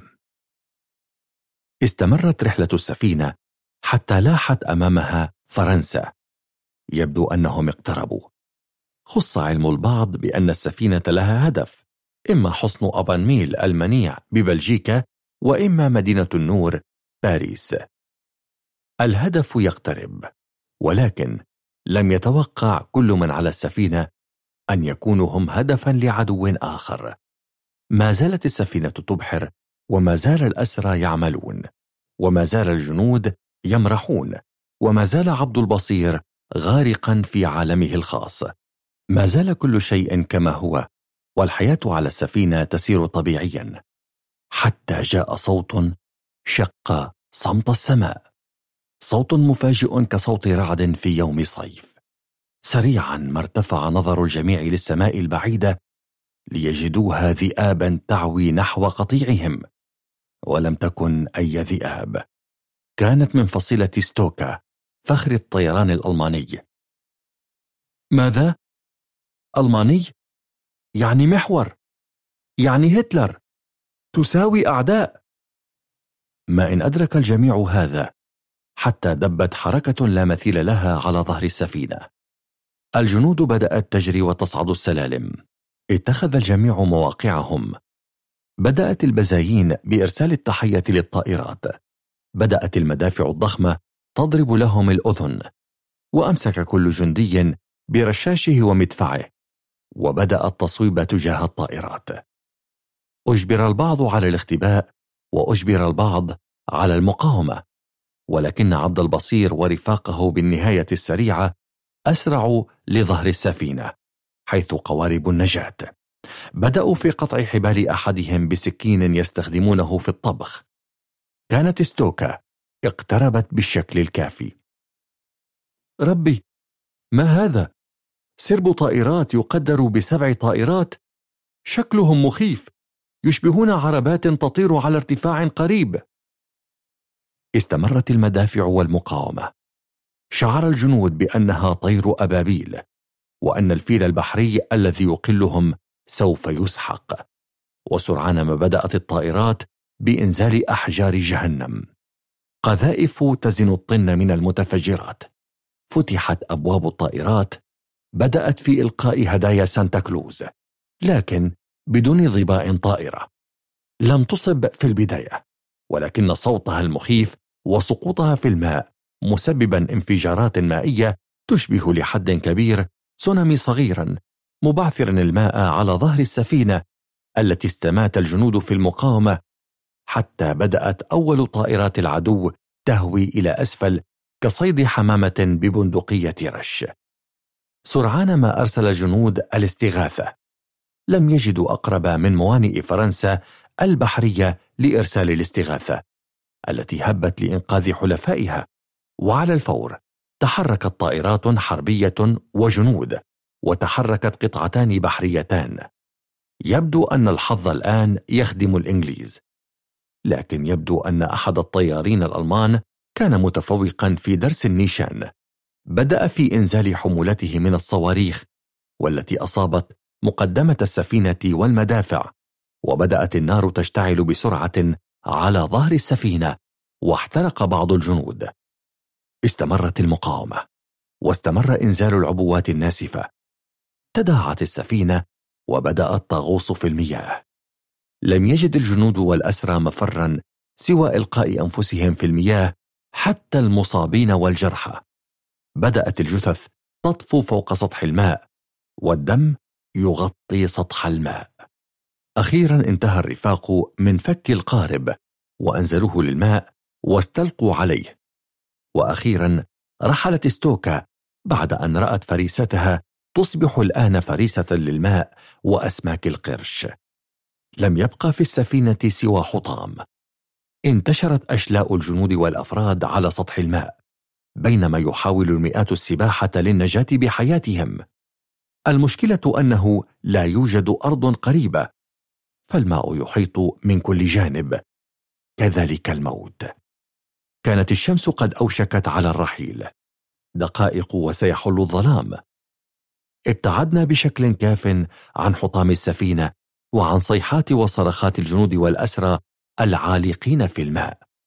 ولكن يبدو أن الرحلة لم تنتهي بعد. بدأ صوت بعيد بالاقتراب. صوت كصوت ذبابة صغيرة. سرعان ما أصبح صوت تنين يقترب. كان سربا آخر من الطائرات أكبر حجما يقترب. هل جاءت ألمانيا لتقضي على البقية الباقية من الجنود أم ماذا؟ لحظة. إنها طائرات حلفاء. يبدو أنها فرنسية. ألا يمكن الهروب من هذا الكابوس؟ هناك أيضا سفينتان أصغر حجما تقتربان. لقد جاءتا وحملتانا. فرح الجميع وركبوا لكن أنا تمنيت الموت.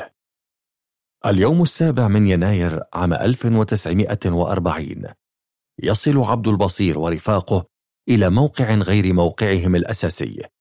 هم الآن على جزيرة جيرسي واحدة من جزر شمال غرب فرنسا الحصينة معتقل لا يمكن الهروب منه. تتكون من أرض وبعض الأشجار ومعسكر ضخم وكان به العديد من الإنشاءات الغير مكتملة. يبدو أنه موقع مثالي للحلفاء وأيضا منعزل. شعر عبد البصير بأن هذا المنفى سيكون قبره الكبير وأنه لن يغادر تلك الأرض حتى قيام الساعة. فالمكان هنا مثالي شاحب مخيف. حتى السماء فوقه حمراء اللون. استمر عبد البصير وأصدقاؤه حوالي يومين يتعافون مما أصابهم وأصاب زملائهم لقد عاد ما يقرب من نصف من كانوا على متن السفينة فعاد 60% من الجنود وحوالي 40% من الأسرى. لقد كان الحلفاء رحماء حقا.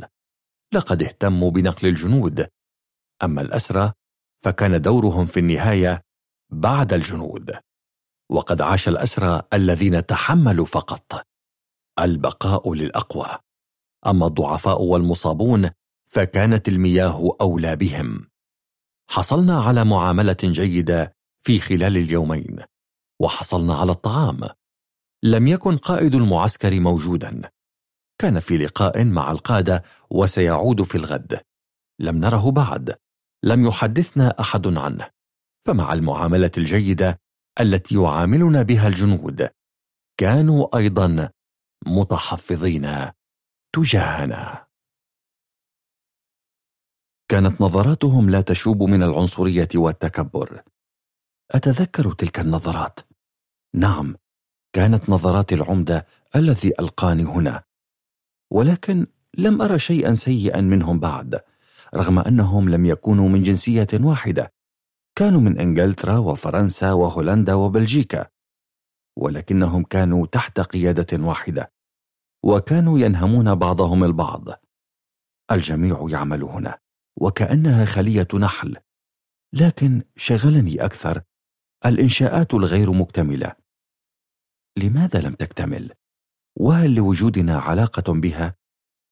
بدأت الأسئلة تتراكم حتى صباح اليوم التالي الصمت يلف المعسكر. لا توجد عيون مستيقظة سوى الجنود المراقبين. ولكن كل هذا تغير تماما مع تمام السادسة صباحا. ضربت أجراس الإنذار. المعسكر بأكمله كشمس تسطع فجرا. قام جميع الجنود مفزوعين يرتدون ملابسهم. استيقظ الأسرى غير مدركين ما يحدث. وبدون سابق إنذار بدأ الجنود يعطون ملابس جديدة ويأمرون بسرعة الارتداء والتجمع في الساحة بالخارج. زاد الاندهاش ولكن سرعان ما ارتدينا ووقفنا في الساحة في صفوف منتظمة. ساد النظام المعسكر بينما فتحت أبوابه لتدخل سيارة حربية مكشوفة أمريكية الصنع عليها سائق وخلفه رجل عسكري يرتدي نظارة سوداء بشاربه الأصفر الضخم وجسده العملاق بعيون جاحظة من أسفل النظارة. كل ملامحه تشير بأنه صنع في إنجلترا. لم يكن سوى الجنرال ريتشارد. توقفت السيارة وارتجل القائد من سيارته. نظر إلينا محملقا لدقائق كانت نظراته تشبه الأشعة المسلطة عليك. بإمكانه رؤية عظامك خلف جسدك. تخشى أن تراه في أحلامك وليس وجها لوجه. بعد أن انتهى بدأ الحديث. أحييكم بأنكم ما زلتم على قيد الحياة.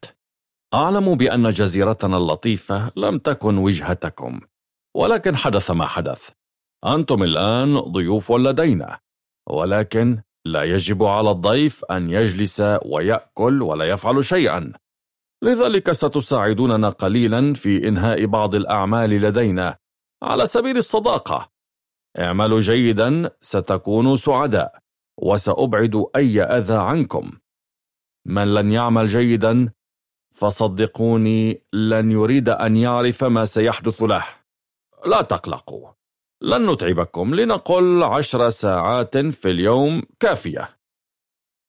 بدأت علامات التوتر والضجر تظهر على وجوه نزلاء المعسكر الخمس نجوم. نعم نعم. أعرف ما يجول بداخلكم. عشر ساعات قليل. إذا لنجعلها اثنتي عشرة ساعة قسمة العدل. نصف اليوم لنا ونصف اليوم لكم. أتمنى أن تقضوا وقتا مفيدا معنا. ولذلك سيبدأ العمل من اليوم. وأول أعمالكم ستبنون مطارا صغيرا لهبوط الطائرات في الجانب الشرقي. ونريد أيضا بناء مخزن كبير تحت الأرض لتخزين السلاح. سيكون أول مهامكم. ولا نحب التأخر. نريد الانتهاء منه في أسرع وقت. ولا داعي لأحذركم مرة أخرى. الآن انتهى الحلم الصغير وبدأ الكابوس المروع. لم تكن معاملتهم الجيدة خلال اليومين سوى تمهيد لما هو أسوأ. هذا الوحش الكاسر يأمرنا بالعمل الشاق ويتوعدنا بالعذاب إذا أخطأنا. الآن فقط أستطيع القول بأن رحلة العودة قد بدأت من هنا ولن تنتهي حتى يخطف الموت أجسادنا مجهزة ومعذبة بألم لا يطاق.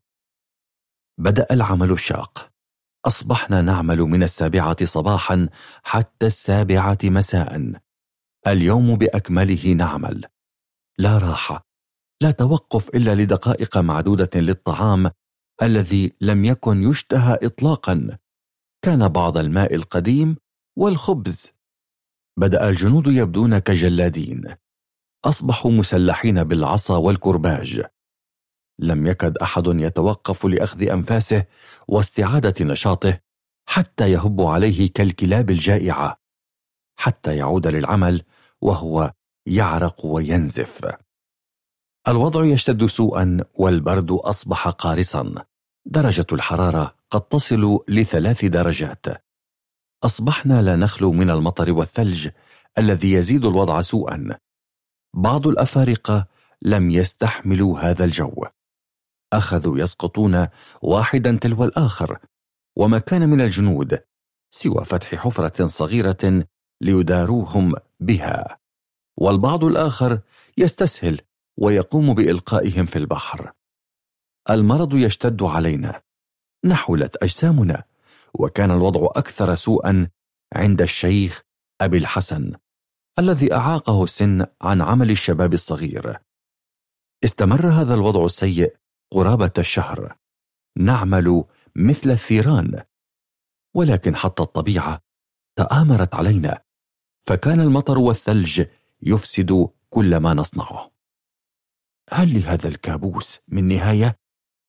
أجسادنا بدأت تتصلب. لم نعد نشعر بأعضاء أجسادنا.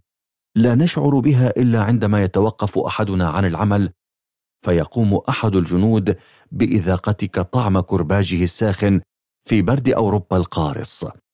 لتشعر بأن أعضاء جسدك تريد الانفصال لتشعر كل واحدة بالألم بعيدا عن الأخرى. إلى متى سيستمر هذا العذاب؟ إذا كان الموت قريبا فليأتي. إذا فعذاب الموت يستمر لدقائق كما تسكن الروح والجسد. أما ما نحن فيه فهو عذاب لا ينقطع. عذاب الجسد الجريح وعذاب الروح التي فارقت من تحب. وها نحن نستعد لمقابلة جديدة مع المجنون ريتشارد. سمعت أنكم غاضبون وتتذمرون. تقولون بأن العمل قد زاد عليكم وأنكم لا تستطيعون أن تكملوا في البرد. هذا حقكم وحق أصدقائكم الذين رحلوا. لكنكم لم تفهموا بعد ماذا تفعلون. أنتم تخدمون قوى الحلفاء أكبر قوى على الأرض. ونحارب عدوا شرسا لا يرتاح. ماذا كنتم تتوقعون أن تفعلوا؟ كنا سنزرع بعض العنب ونهرسه؟ إن الحرب أكبر من ذلك. ومن أجل هذا أنا هنا لأحقق لكم ما تتمنون. لقد طلبت من القادة أن يصرفوا لكم ملابس ثقيلة ضد البرد وأن تزيد حصص الطعام. بدأت الابتسامة والفرحة تعتلي شفاه الأسرى قبل أن ينهي ريتشارد. ولكنكم ستعملون من الآن بدلا من اثنتي عشرة ساعة ستعملون ست عشرة ساعة. وهنا طفح كيل الشيخ أبي الحسن. هذا كثير! لقد تعبنا وجسدي لا يتحمل هذا العمل الشاق الآن. قليل من الرحمة نحن لسنا عبيدا. هزت كلمات الشيخ أرجاء المعسكر. صمت الجميع كأن على رؤوسهم الطير. تحرك الجنرال في ثقة وهدوء تام تجاه الشيخ. انخلع قلب عبد البصير وعباس على صديقهم الذي سيفتك به هذا الأسد الإنجليزي. وكان الشيخ لا يأنى لما سيحدث. لقد فاض به التعب والإرهاق وأيقن بأنه لن يعود وستكون نهايته هنا.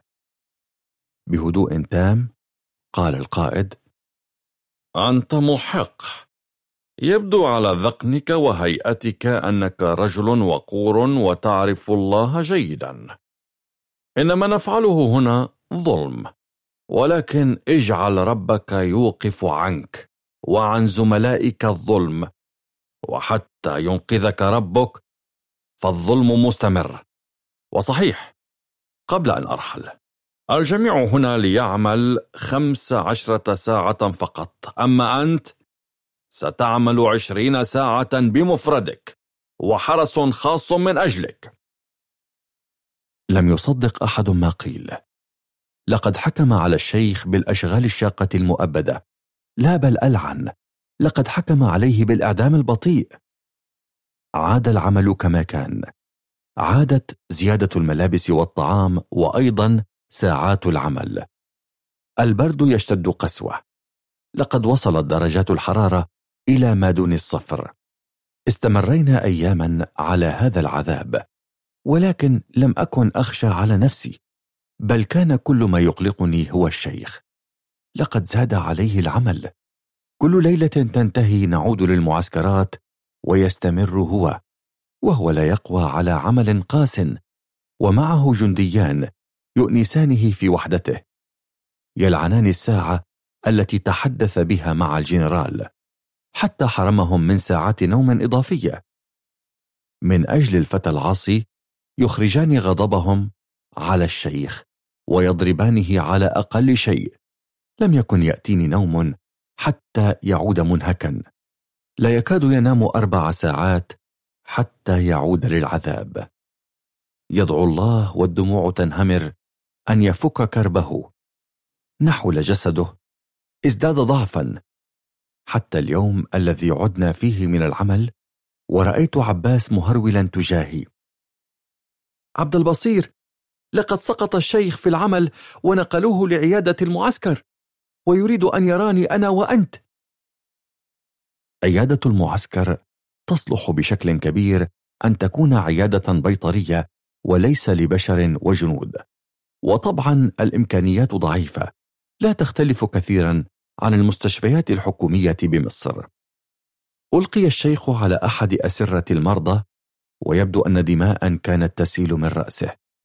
من الواضح أن الجنود المراقبين قد زادوا في جرعة الاهتمام اليوم. يكاد لا ينظر أمامه. شحب وجهه بطريقة مخيفة. في الوقت ذاته وصل عبد البصير وعباس كانوا متوقعين أن يحدث هذا من كثرة العمل عليه. وخاصة بعد الترقية التي منحها له الجنرال. بسرعة أحاطوا بسريره. ربي إنه حتى لم يشعر بوجودهم حتى الآن. الوضع يزداد سوءا. أنفاسه تبتعد عن بعضها بمسافة ميل تقريبا. الظلمة تتكاثف. وأخيرا بدأ الشيخ بالتحدث. الإنسان غريب. يظل حياته يعيش سواء كان سعيدا أو تعيسا لا يرغب بالموت. حتى الجنة يريدها بلا موت. ولكن عندما تقترب ساعة النهاية يعلم أنه كان مخطئا. وأن الوجود بجانب الله أكثر راحة وأسهل كثيرا. بالله عليك استرح الآن ولا تجهد نفسك بالكلام. لن يغير قضاء الله. دعوني أقل ما أريد. عباس أنت شاب طيب ولكنك طائش وتجري وراء النساء. استقم في حياتك تقرب إلى الله حتى يخرجك من محنتك. أريد وأنا في دار الحق أن أعلم أنك أصبحت أفضل. أمرك يا شيخنا. ولم يتمالك عباس نفسه من البكاء المكتوم. عبد البصير ولدي العزيز. لقد رأيت حلما لك. أراك وقد اجتمعت عليك الجروح والهموم. سيرسل لك الله من يخرجك. أراك على ظهر مركب وتعود على مصر. أنت طيب. سيخرجك الله مما أنت فيه. لا تيأس. ولا تدع السواد يجتاح قلبك.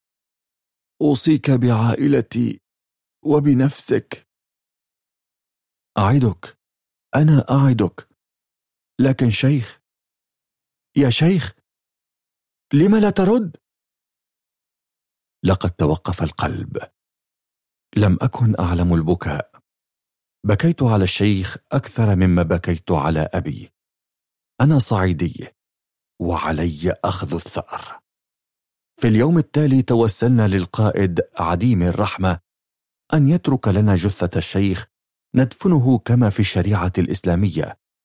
بصعوبة وافق. غسلناه وكفناه في غطاء سريره. وساعدنا بعض أصدقائنا المسلمين.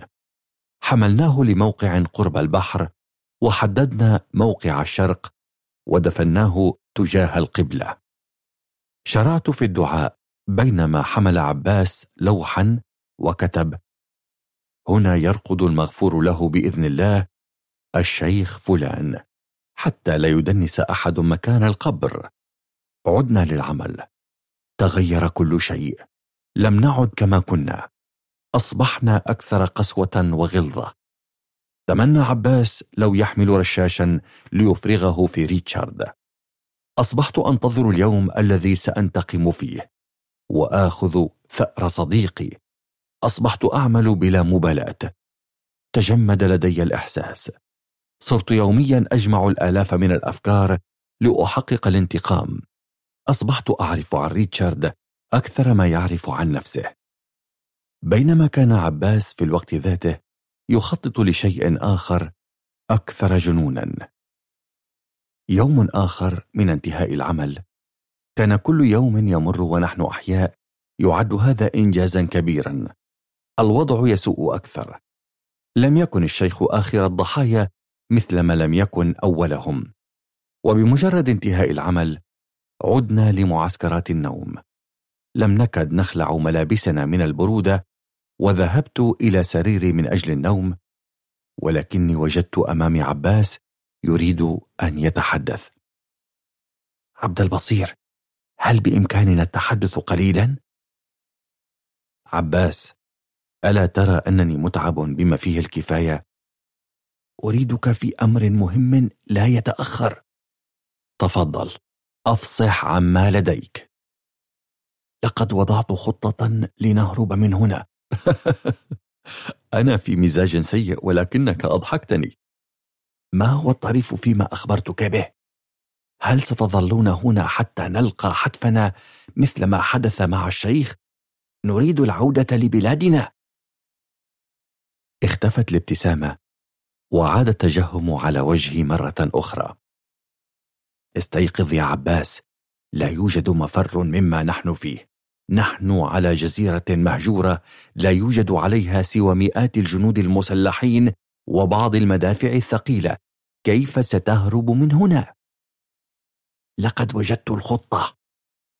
بعد أربعة أيام ستأتي القطعة البحرية التي تحمل الإمدادات للمعسكر. نحن سنذهب لإنزال الحمولة. بينما نحن نقوم بذلك سنختبئ في أحد قوارب النجاة حتى أقرب ميناء. ننزلها ونبتعد. لقد فقدت عقلك تماما. صدقني سنستطيع الهرب. وإن متنا سنرتاح من عذابنا. أنا لست معك. كما تريد يا صديقي لكن عندما أخرج من هنا ستتمنى لو أنك نجوت بحياتك معي أو حتى مت معي. توترت العلاقة بيني وبين عباس الذي فضل الابتعاد عني. حاولت إرجاعه عن قراره ولكن بلا فائدة. يبدو أن موت الشيخ أثر على عقله تماما والإنجليز ليسوا بتلك السهولة للهروب منهم. لن أبرح مكاني حتى أنتقم من كبيرهم على ما فعله بصديقي. وفي صباح اليوم الرابع وصلت باخرة حربية تحمل من خيرات الله ذخيرة وسلاحا وطعام. أرسل الأمر للجنود والعمال بالبدء في إنزال حمولة السفينة. كان لدي خطة أنفذها لأحقق الانتقام ولكنها ليست الآن. بينما صديقي المتسرع قد بدأ فعلا في تنفيذ خطته بعد إنزال آخر حمولة له. صعد على السفينة بسرعة ومهارة. صعد السفينة وبدأ التحرك بعيدا عن موقع العمل حتى وجد ضالته ولكنه نسي أن يخفي آثار أقدامه التي تتبعها أحد جنود السفينة حتى وصل إليه. ولكن عباس هرب. أخذ يجري على السفينة وأصبح يطارده أربعة وأمر العمال بالتوقف عن صعود السفينة حتى ينتهوا. شعرت بالقلق. هل كشف عباس نفسه؟ وبينما يهرب عباس وصل لمؤخرة السفينة. حتى وصل أحد الجنود وأمر عباس بالتوقف. ولكنه باغته وضربه وأخذ منه السلاح. أخي عباس يقترب من النصر. ولكن ما لبث أن أخذ السلاح حتى اقترب جنديان وما كاد من عباس أن يطلق النار حتى سبقه الاثنان. لقد أخمد الاثنان نيرانهم بصديقي. سقط عباس وشعرت بما حدث. ها قد رحل آخر أصدقائي. إنجلترا إن حسابك يشتد معي ولن يكون الانتقام رحيما. استقرت رصاصتان واحدة بالقلب والأخرى بمعدة صديقي. سرعان ما أسلم الروح لخالقها باللحظة. لقد انتهى عذابه. ولكن ما حدث بعد ذلك أسوأ. لم يرحموا حتى جثة القتيل البطل. لقد حملوها لساحة المعسكر وألقوها على الأرض أمامنا جميعا. وصل ريتشارد بابتسامة نمر حصل على فريسة بعد صيام ثلاثة أيام وأخذ يحذر كل من يحاول الهرب وأن هذه ستكون نهايته. ليس ذلك فقط بل وضع قدمه وداس صديقه. تمزق قلب عبد البصير بين ضلوعه. حاول أن يفعل شيئا. لم يكتفي ريتشارد بهذا الحد حتى أمر بتعليق جثته أمام بوابة المعسكر. ليكون عبرة لمن تسول له نفسه الوقوف أمام عظمة بريطانيا والحلفاء. ولكن بعد محاولة عدة أيام معه وبعد خروج رائحة المتوفى سمح لهم بمدادة الأمانة ليجلس في حفرة صغيرة بجانب صديقه الشيخ. في الوقت ذاته أصبحت خطة عبد البصير في الانتقام جاهزة وحصل على ما يريد. لا ينقصه سوى التوقيت المناسب. في الوقت ذاته كان مسار الحرب يأخذ شكلا جديدا. الآن هتلر ما زال يرعب الحلفاء بتقدمه السريع. استطاع في وقت قصير احتلال بولندا وتشيكوسلوفاكيا والنرويج والدنمارك وهو الآن يخطط لاحتلال جيرانه. قرر هتلر في اليوم العاشر من مارس عام 1940 وفي تمام الساعة الخامسة وثلاثين دقيقة صباحا عمل غزو كبير لجيرانه الحلفاء بلجيكا وهولندا وفرنسا. وبجيش يزيد عن 2 مليون غاز بدأت الحرب. قام هتلر بقصف وسحق بلجيكا وهولندا. سيطر على المعاقل والحصون. استطاع فتح حصن أبان ميل والذي كان من المفترض سجن عبد البصير الأول. لم تكن هناك ذرة رحمة. ضرب ميناء نوتردام في هولندا بعد استلامه. هتلر لا يمزح. استمرت عملياته. دخل بالطيران وبالستوكا المفضلة. استخدم دباباته العملاقة بانزر. وفي نصف شهر تقريبا أعلنت بلجيكا الاستسلام لهتلر. لم يبقى شيء يفصله عن فرنسا. استمر جيش هتلر الذي لا يتوقف كأن الهدف القادم فرنسا. وفي يوم العاشر من يونيو أعلن الفاشية موسوليني دخول إيطاليا الحرب بجانب هتلر لتزداد قوة المحور ويكمل هتلر بخطى ثابتة دخول فرنسا. ظنت القوات الفرنسية أن هتلر سيفعل مثل ما فعلت ألمانيا في الحرب العالمية الأولى ويهاجم فرنسا من بلجيكا مباشرة. ولكن كان ذكاء هتلر أكبر من ذلك وترك القوات الفرنسية تتوغل في بلجيكا بجيشها. وحرك هتلر جيشين وأحكم القبضة على فرنسا من جهتين. ليقع الجيش الفرنسي فريسة سهلة للألمان الذين بدأوا بالفعل التوغل في شمال فرنسا. واستمروا في التقدم حتى وصلوا لعاصمة النور باريس العاصمة الفرنسية. في الرابع عشر من يونيو وصل الألمان لحدود باريس. بدأ الأهالي في الفرار والهروب. لن يجلسوا حتى يقتلهم هتلر وجنوده. القوات الألمانية تصل إلى قوس النصر وتقترب من قلب العاصمة برج إيفل. بدأ الألمان عمل استعراضهم في الشوارع. في الوقت الذي حاصر فيه السكان الفارين بعد تدمير الجسور فيما عرف سفر الخروج. ولم يبقى أمامهم سوى الهلاك أو الاستسلام. تولى الماريشال بيتان أمور فرنسا وأعلن الاستسلام. بعد ثلاثة أيام يصل هتلر إلى باريس. تصور الدعاية وهو أمام برج إيفل فخر فرنسا هو وقادته. لقد أكد للعالم بأنه خصم لا يستهان به. لقد أحضر معه عربة القطار التي وقع بها استسلام ألمانيا في الحرب الأولى. لقد برع في أن يذل بهذه العربة الفرنسيين. ووقع بها استسلام فرنسا وإلغاء معاهدة فرساي التي أهانت حكام فرنسا. إنه رجل في منتهى الذكاء. عاد هتلر لألمانيا وكل ألمانيا تهتف له. لم يعد هناك أحد يعارضه. الآن سيفعل كل ما يريد. تخلص الآن من أكبر القوى العظمى. ولكن ما زالت هناك دولة تنغص عليه احتفاله. بريطانيا. جزيرة في البحر. ولا يمكن الزحف لها أبدا. ولكن قادته أكدوا له بأنه يجب احتلال جزر فرنسا الشمالية. ليستطيع جعلها مركزا لضرب إنجلترا وهو في مكانه.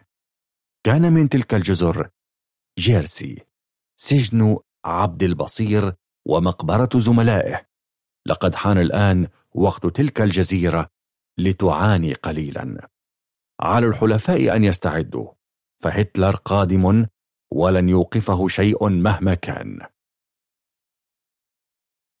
انظر خلفنا. هل هناك أحد يرانا؟ لا يوجد أحد. الوضع آمن. أسرع إذا يا جاميكا. لا نريد أن يشعر بنا أحد. بسرعة وبمهارة شديدة فك جاميكا مسامير الصندوق الخشبي الذي يحمل الأسلحة. كان ثقيلا حقا. وفي غضون دقيقة انتهى جاميكا من فتح الصندوق. أمامك عدد كبير من أنواع الأسلحة. اختر ما تشاء. جذب أحد الأسلحة عين عبد البصير. كان مسدسا صغيرا ومليئا قادرا على إطلاق 25 رصاصة في الدقيقة. كان هو الاختيار المثالي. أخذه عبد البصير وأخذ بعض الذخيرة من الصندوق. أعاد جاميكا إغلاق الصندوق بنفس السرعة وشرعا في إيصاله إلى المعسكر بعد أن أخفى عبد البصير سلاحه جيدا. لن أنسى مساعدتك يا جاميكا. لا تقل هذا ولكني أطلب منك أن تغير التفكير فيما ستفعله. لا يمكن ترك دم الشيخ بدون ثأر. ستعرض نفسك للهلاك. وهل نحن هنا في نزهة؟ نحن في الجحيم بنفسه. ماذا يحدث على السفينة؟ ولماذا الجميع ملتفين ولا يعملون؟ فلنسرع إذن لنعرف. وما أن وصلنا؟ حتى وجدت جثة عباس تحت قدم ريتشارد مهددا متواعدا. وآه استيقظت من كابوس أصبح لا يفارقني. حتى أحلامي وذاكرتي تشجعاني على الانتقام. لم يعد هناك ما أخشاه أو أبكي عليه. تحسست سلاحي تحت سترتي. قريبا سينتهي كل شيء. سأنفذ انتقامي ويحدث ما يحدث. كان يوما مختلفا على الجزيرة. لم يكن سوى يوم احتفال. لقد انتهى عبد البصير وما تبقى من زملائه أحياء من إنشاء المخزن والمطار. أخيرا يوم بلا عمل شاق ولا تعذيب. وقد حلت على أوروبا أجواء الربيع الهادئ بعد الشتاء القارص. نظم القائد احتفالا صغيرا بينما سمح لبعض الضباط بإجازة صغيرة لرؤية عائلاتهم وزوجاتهم الذين نسوا أشكالهم. أعدوا بعض الطعام الجيد والمشروبات. وضعت منصة ليجلس عليها القائد وكبار رجاله ليلقوا ببعض العبارات الحماسية. في الوقت ذاته كان يستعد عبد البصير لتحقيق العدل الإلهي. فمن قتل يقتل. على ريتشارد اليوم أن يذوق مرار ما فعله بأصدقائه وبعبد البصير. تطوع ليقف على الطعام لتقديم الطعام للجنود وحتى يأمنوا شره لم يكن مسلحا. أو هذا ما ظنوه لقد أخفى عبد البصير سلاحه في كيس أسفل شجرة قريبة. منتظرا الموعد المناسب لتحقيق هدفه. بدأ الحفل صباحا. اجتمع الجميع أمام المنصة والقادة يتناوبون على إلقاء خطبتهم والتي امتلأت بالعبارات القوية ومدح أوطانهم ويتوعدون هتلر وأن النصر سيصبح لهم بينما الجنود يصيحون ويهللون. بالطبع لم يكن أحد منهم يعلم ما حدث بباريس. هل يخبرهم قادتهم حتى تخور عزيمتهم؟ أوشك الحفل على الانتهاء. وهنا لاح ريتشارد مستعدا لإلقاء كلمته الأخيرة. في ذلك الوقت استأذن عبد البصير صديقه أن يأخذ مكانه حتى يذهب لدورة المياه. وهنا هرول عبد البصير للشجرة. حفر سريعا وأخرج السلاح. وضع في خزنته الطلقات. كان ينوي تفريغها جميعا به. وعاد لموقعه. والآن أدعوكم لننهي الاحتفال وسيعود العمل من الغد. هذا من أجل أصدقائي ريتشارد! طاخ! طاخ! لم ينتبه عبد البصير جيدا للتصويب. اهتم بتوصيل الرسالة أكثر. وكأنه يحذره من هجوم. وللأسف استطاع ريتشارد الهروب بينما استقرت رصاصة بقلب نائب الجنرال الجالس بجانبه. ساد الهرج المعسكر. لم ينتظر عبد البصير كثيرا. وجد نفسه لا إراديا يهرب ولكنه لا يعلم أين يجري وكيف. في الوقت ذاته صرخ ريتشارد بجنوده بإحضاره حيا ليلقنه درسا في الأدب والتعامل مع الكبير. أولا لم يعرف أصدقاء عبد البصير ماذا يفعلون فهم يعلمون بأن قلبه يدمي على أصدقائه وأن الحياة غير فارقة معه. ولكن الجنود انتشروا في كل أرجاء الجزيرة يبحثون عنه. بينما عبد البصير مختبئا آمن بأن تلك نهايته. لم يحزن ولكن ما عصر قلبه حقا أنه لم يقضي على ريتشارد ولن يأخذ حق أصدقائه. كيف سيواجههم عندما ينزل إلى حفرة جوارهم؟ أهكذا تكون نهايته ما أبشعها نهاية. ولكن هناك حدث ما لم يكن في الحسبان. بينما عبد البصير منهمك في حزنه سمع صوتا قريبا لرأسه. يبدو أنه سمعه قبل ذلك ولكن لم يكن في مناسبة سارة. ماذا؟ إنه صوت ستوكا. لقد عاد الألمان ولن يمنعهم شيء. فبينما الجنود وريتشارد يبحثون عن عبد البصير نظروا فوقهم ليجدوا سربا جديدا من الطائرات الألمانية تحلق فوقهم ولكن كانوا يتعدون الخمسين طائرة. بدأت الطائرات في إلقاء زهور السلام التي حولت جنديا يقف قريبا من ريتشارد إلى أشلاء أخذت الانفجارات تدوي في أرجاء الجزيرة.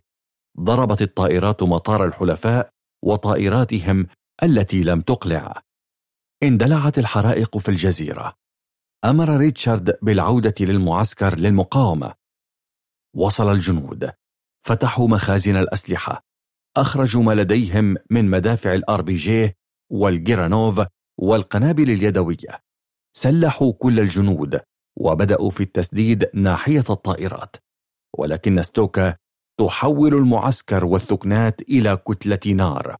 حتى مخزن السلاح قذيفة واحدة كانت كفيلة بتحويله لانفجار هائل. في الوقت ذاته زادت شراسة المقاومة من الحلفاء. أسقطوا أكثر من طائرة لألمانيا. حاول ريتشارد إرسال استغاثة بلا فائدة. ضربت كل خطوط الاتصال على الشاطئ. يبدو أن ألمانيا وصلت بقطعتين حربيتين. قامت بإنزال مئات الجنود لتبدأ معركة برية. وجهوا كل أسلحتهم تجاه المعسكر المشتعل لتقتل كل من يقترب. هجوم مباغت من الجو والبر والبحر. أحس ريتشارد باقتراب النهاية. حاول الوصول لمكتبه لإخفاء أي أوراق أو مستندات بها أوراق سرية لمعلومات حربية قد تفيد الحلفاء. ولكن ما لا يعلمه أن عبد البصير كان في طريق عودته لمكتبه. فلو قدر لعبد البصير الموت سواء على يد الحلفاء أو المحور الذين أنقذوا حياته منذ قليل يجب أن يتم مهمته الأولى وهي القضاء عليه. في ذلك الوقت وصل لمكتبه والذي سقطت أمامه جثة الجندي الحارس للمكتب. بسرعة أخذ ريتشارد المفاتيح من يد القتيل ليدخل مكتبه. في ذلك الوقت استسلم الجنود ورفعوا الراية البيضاء مطالبين بالعفو. رفع علم سواسكا شعار النازية. الصليب المعقوف على جيرسي. وصل قائد قوات النازية جيدرين. كان له هدف محدد مكتب قائد الحلفاء ليصل لمعلومات تخص البحرية الإنجليزية.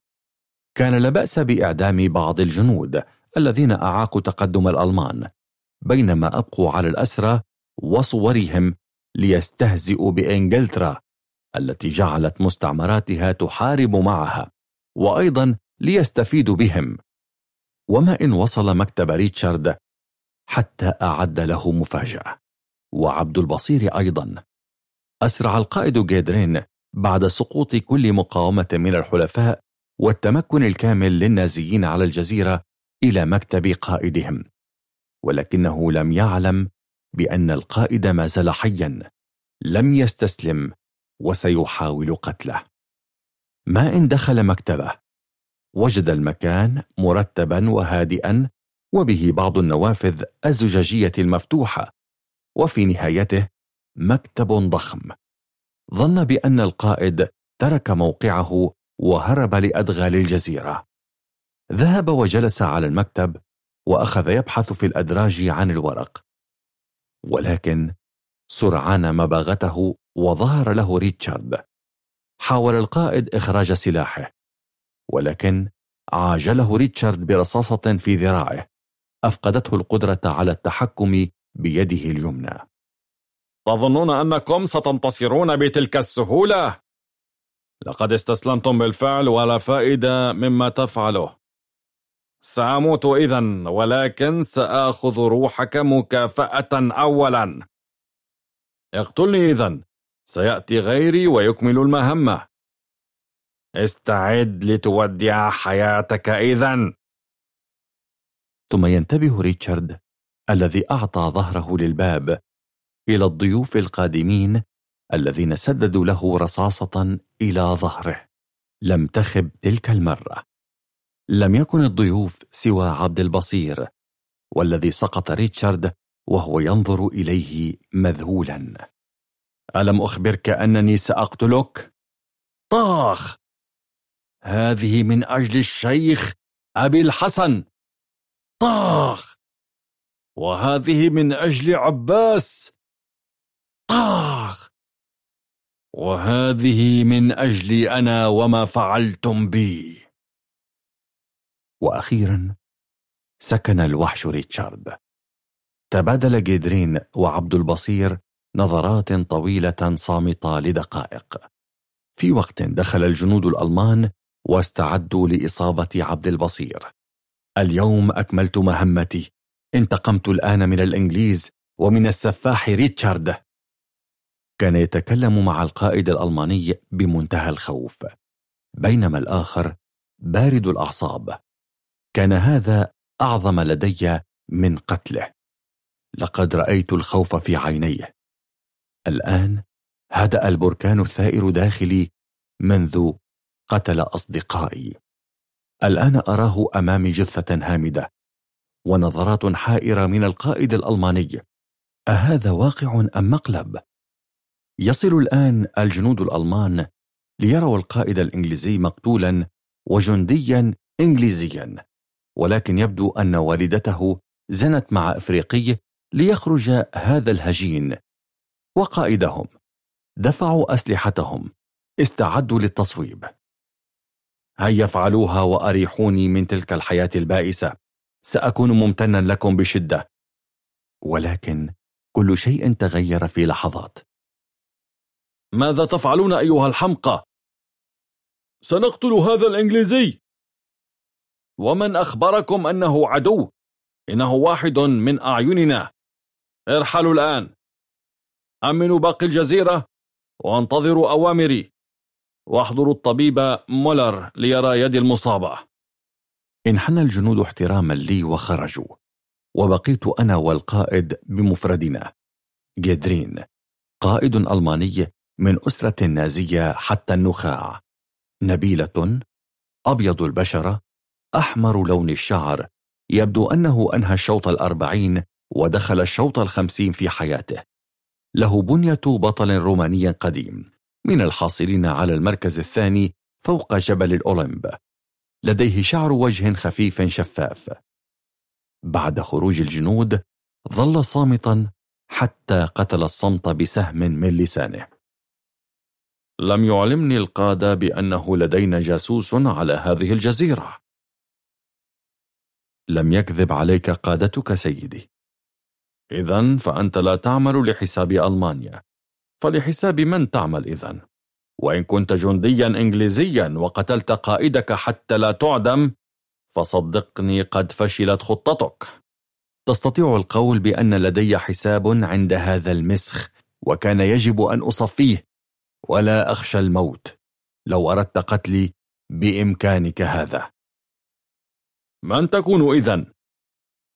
مندوب ملاك الموت فرع بريطانيا العظمى لهذا الحد تكرههم؟ هل قتلوا عائلتك أم أجبروك على الحرب؟ من أين أتيت إذن؟ أنت لست أسودا كالأفارقة ولا أبيضا كالأوروبيين نعم قتلوا عائلتي أما أنا فقد حملوني من بلادي رغما عني أو بإرادتي لا يهم وأنا من مصر لقد أنقذت حياتي وقدمت خدمة لألمانيا وهتلر. لك عندي حق. لو أردت أعيدك إلى بلدك في أقرب فرصة. نعم أريد العودة إلى بلدي وأهلي ولكن هناك حساب أريد تصفيته أولا. من ماذا؟ لقد قتلت قائد الحلفاء. ماذا تريد أكثر؟ أريد أن أنتقم من الإنجليز. وبريطانيا بأكملها. أريد كما أسروا بلدي وسرقوا خيرها واستباحوا حرمتها بنجاستهم وقتلهم أبناء بلدي. أن أنتقم. هنا لا يوجد ملك ولا حاشية يمنعوني منهم. وإن لم أستطع مقاومتهم في بلادي فأستطيع مقاومتهم هنا. ماذا تريد إذن؟ أريد أن أحارب معكم. أن أحارب من أجل هتلر وتحت علم ألمانيا. لا أستطيع أن أعيدك الآن رغم كفاءتك. سأفكر وأبلغ القادة وأرى ما يمكن فعله. يمكنك الآن ارتداء الزي الألماني والعمل مع جنودنا حتى أبلغ بالنتيجة. من الآن أنت واحد من الألمان. اختلفت حياتي تماما من بعد هذا اليوم. تم تدمير كل ما هو ملك للحلفاء. أسقطت أعلامهم ورفعت الأعلام النازية. حقيقة لم ألقى في البداية معاملة جيدة من الألمان ولكن ليس بسوء معاملة الإنجليز. لم يكن معظمهم يصدقون أنني جاسوس. كانوا يعرفون أن ورائي سرا ما. ولكن مع الوقت تحسنت معاملتهم. فالألمان لا يقبلون أحدا من خارج جنسهم الأبيض بتلك السهولة. ولكن الحياة لا تنتهي من الاستثناءات. أعتقد أن البشر صنعوا القوانين والقواعد والإلزامات ليخرجوا عنها. أصبحت قائدا للأسرى الذين خرجوا من كتف الحلفاء للمحور. كنت رحيما بهم. شرانا في بعض الأعمال. ساعدنا الألمان في إزالة آثار الدمار على الجزيرة. حصل الألمان على كل أسلحة الحلفاء السليمة وما تلف قمنا بدفنه. لم يكن مسموح لي بعد بإمساك سلاح ولكن سلاحي الذي قتلت به ريتشارد لا يفارقني طبعا بعد نزع خزينته. تذكار بسيط. تمنيت لو كان أصدقائي لا يزالون أحياء وأراهم مرة أخرى. في كل مرة أتذكرهم تشتعل النار في قلبي. لا تتوقف أمعائي كزلزال يقسمني إلى نصفين. حلفت لأنتقم. لن أعود بلدي إلا وأنا محمل بأكاليل النصر. سأضع حدا للإنجليز. سأمنعهم من النصر. ليس لأنهم قتلوا أصدقائي فقط ولكن من أجل العالم بأكمله. سأمنعهم من استغلال خيرات مصر وتقسيم فلسطين. وإبادة أهل الهند وقتل المسلمين في بنغلاديش وتدمير العراق. أيتها الشيطانة سأحرقك إلى الأبد أنا وهتلر. وبينما تسير حياتي على هذا المنوال تعلمت بعض اللغات الألمانية والإيطالية فالألمان أكثر غيرة على لغتهم من زوجاتهم. وأثناء وجودي بالمعسكر جاء أحد الجنود. القائد بانتظارك في مكتبه. أعتقد أنه وصله الرد بشأني. هذا ما أنتظره. لم يطل السير كثيرا حتى وصلت لغرفة القائد. سمح لي الحارس بالدخول. وجدت القائد يجلس وبجانبه زجاجة خمر معتقة. شرب منها حتى ثمل. ولكن كان هناك شيء أغرب. لقد وجدت في نهاية المكتب فتاة صغيرة صغيرة نائمة مستلقية على كرسي صغير يبدو أنها في العام العاشر لها على كوكب الأرض ملامحها بريئة هادئة ذات شعر أصفر قصير. ولكن ما الذي يأتي بطفلة صغيرة بمكتب قائد ألماني سكر حتى الثمال في جزيرة حربية؟ وقبل أن أقول شيئا تحدث هو أولا. تعلم يا صديقي لقد وصلني أمر مهاجمة تلك الجزيرة مفاجئا. لم أكن استعددت بعد. رصدت لي بعض الطائرات والسفن وكثير من الجنود وقليل من التقدير. لكن لا أخدم سياسيين. أنا أخدم ألمانيا وهتلر فقط. وكنت قد دخلت في علاقة جديدة مع سيدة من شمال فرنسا وكان لديها طفلة. لقد دمر منزلها كما دمر قلبي. حينما رأيتها عرضت عليها أن تنضم إلي في مهمتي كطباخة على السفينة. كانت رائعة في تحضير الحلوى والبودينج ولم يعترض أحد من القادة اصطحابها معي. باعتبارها عاملة ومخلصة لهتلر. كنت كل يوم على السفينة في آخر الليل أنسل بنفسي إلى غرفتها. كنت أنسى معها همومي ومخاوفي. كانت عطوفة وجميلة ومثيرة أيضا. كنت أشعر أننا زوجان حديثان على ظهر باخرة سياحية لقضاء شهر العسل في فيينا وفي ربوع البندقية. أحببتها من كل قلبي. حتى جاء يوم لم يكن فيه مهام كثيرة. انتهيت من إنهاء فترة عمل الشمس. مع الغروب دخلت غرفتها. وجدتها ترسل شفرات خاصة للبحرية الفرنسية ليعترضوا طريقنا. أتعلم. لم يغضبني هذا حقا بقدر أني عرفت أنها يهودية. ألقيت القبض عليها بنفسي. سددت رصاصة نحو مخها فانفجر أمام عيني. كنت رحيما حتى في موتها. أهديتها راحة سريعة.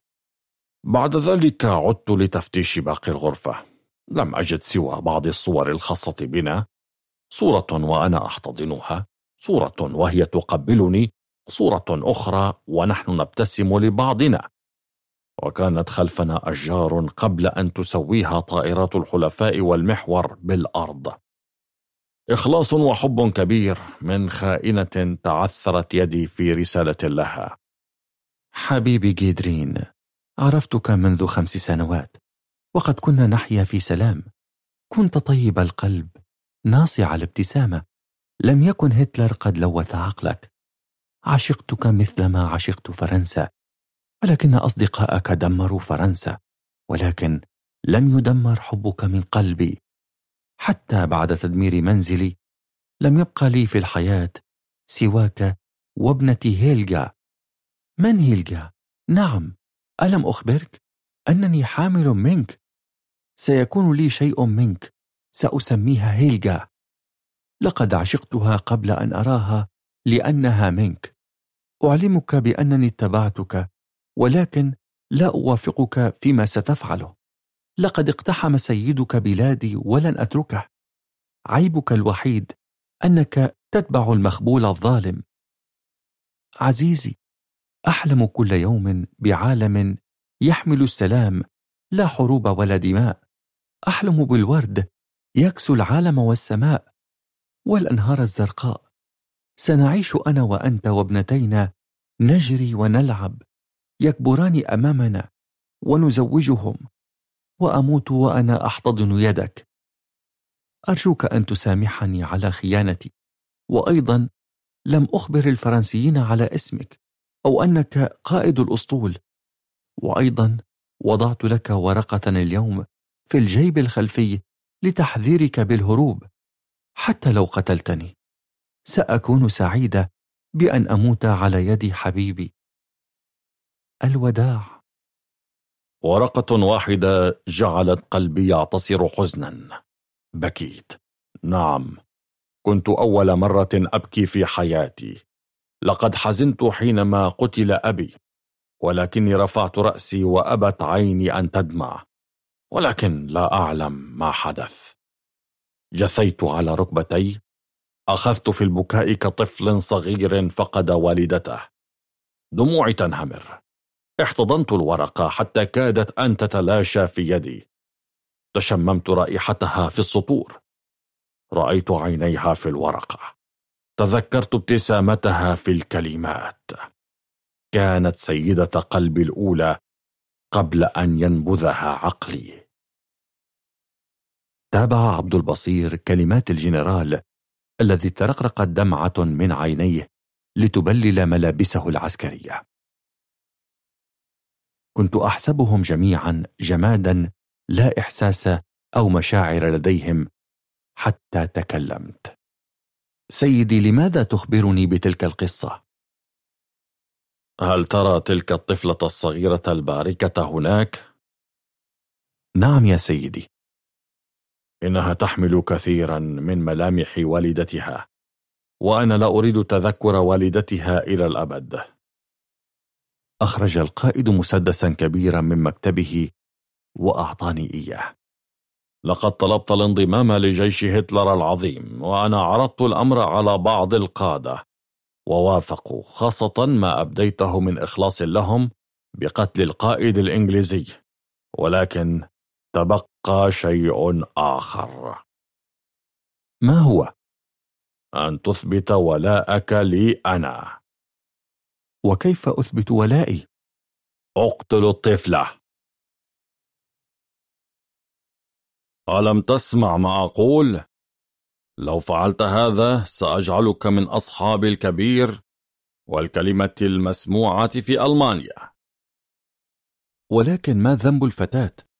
والدة الفتاة أحبتني كثيرا أكثر من نفسها ولكنها كرهت هتلر مسكينة لم تكن تعرف بأني أحب هتلر أكثر من نفسي. للحظات تذكرت كلمات شخص شبيه به كثيرا. جميعهم واحد مع اختلاف الألقاب والمسميات. قادتي سعداء إذا أنا سعيد. لقد قتلت ابنتي التي لم ترى الحياة بفعلتها فيجب أن تموت ابنتها أيضا. ولكن هون عليك ففي النهاية هي يهودية نجسة. لم أكن أعلم سر كره الألمان لليهود.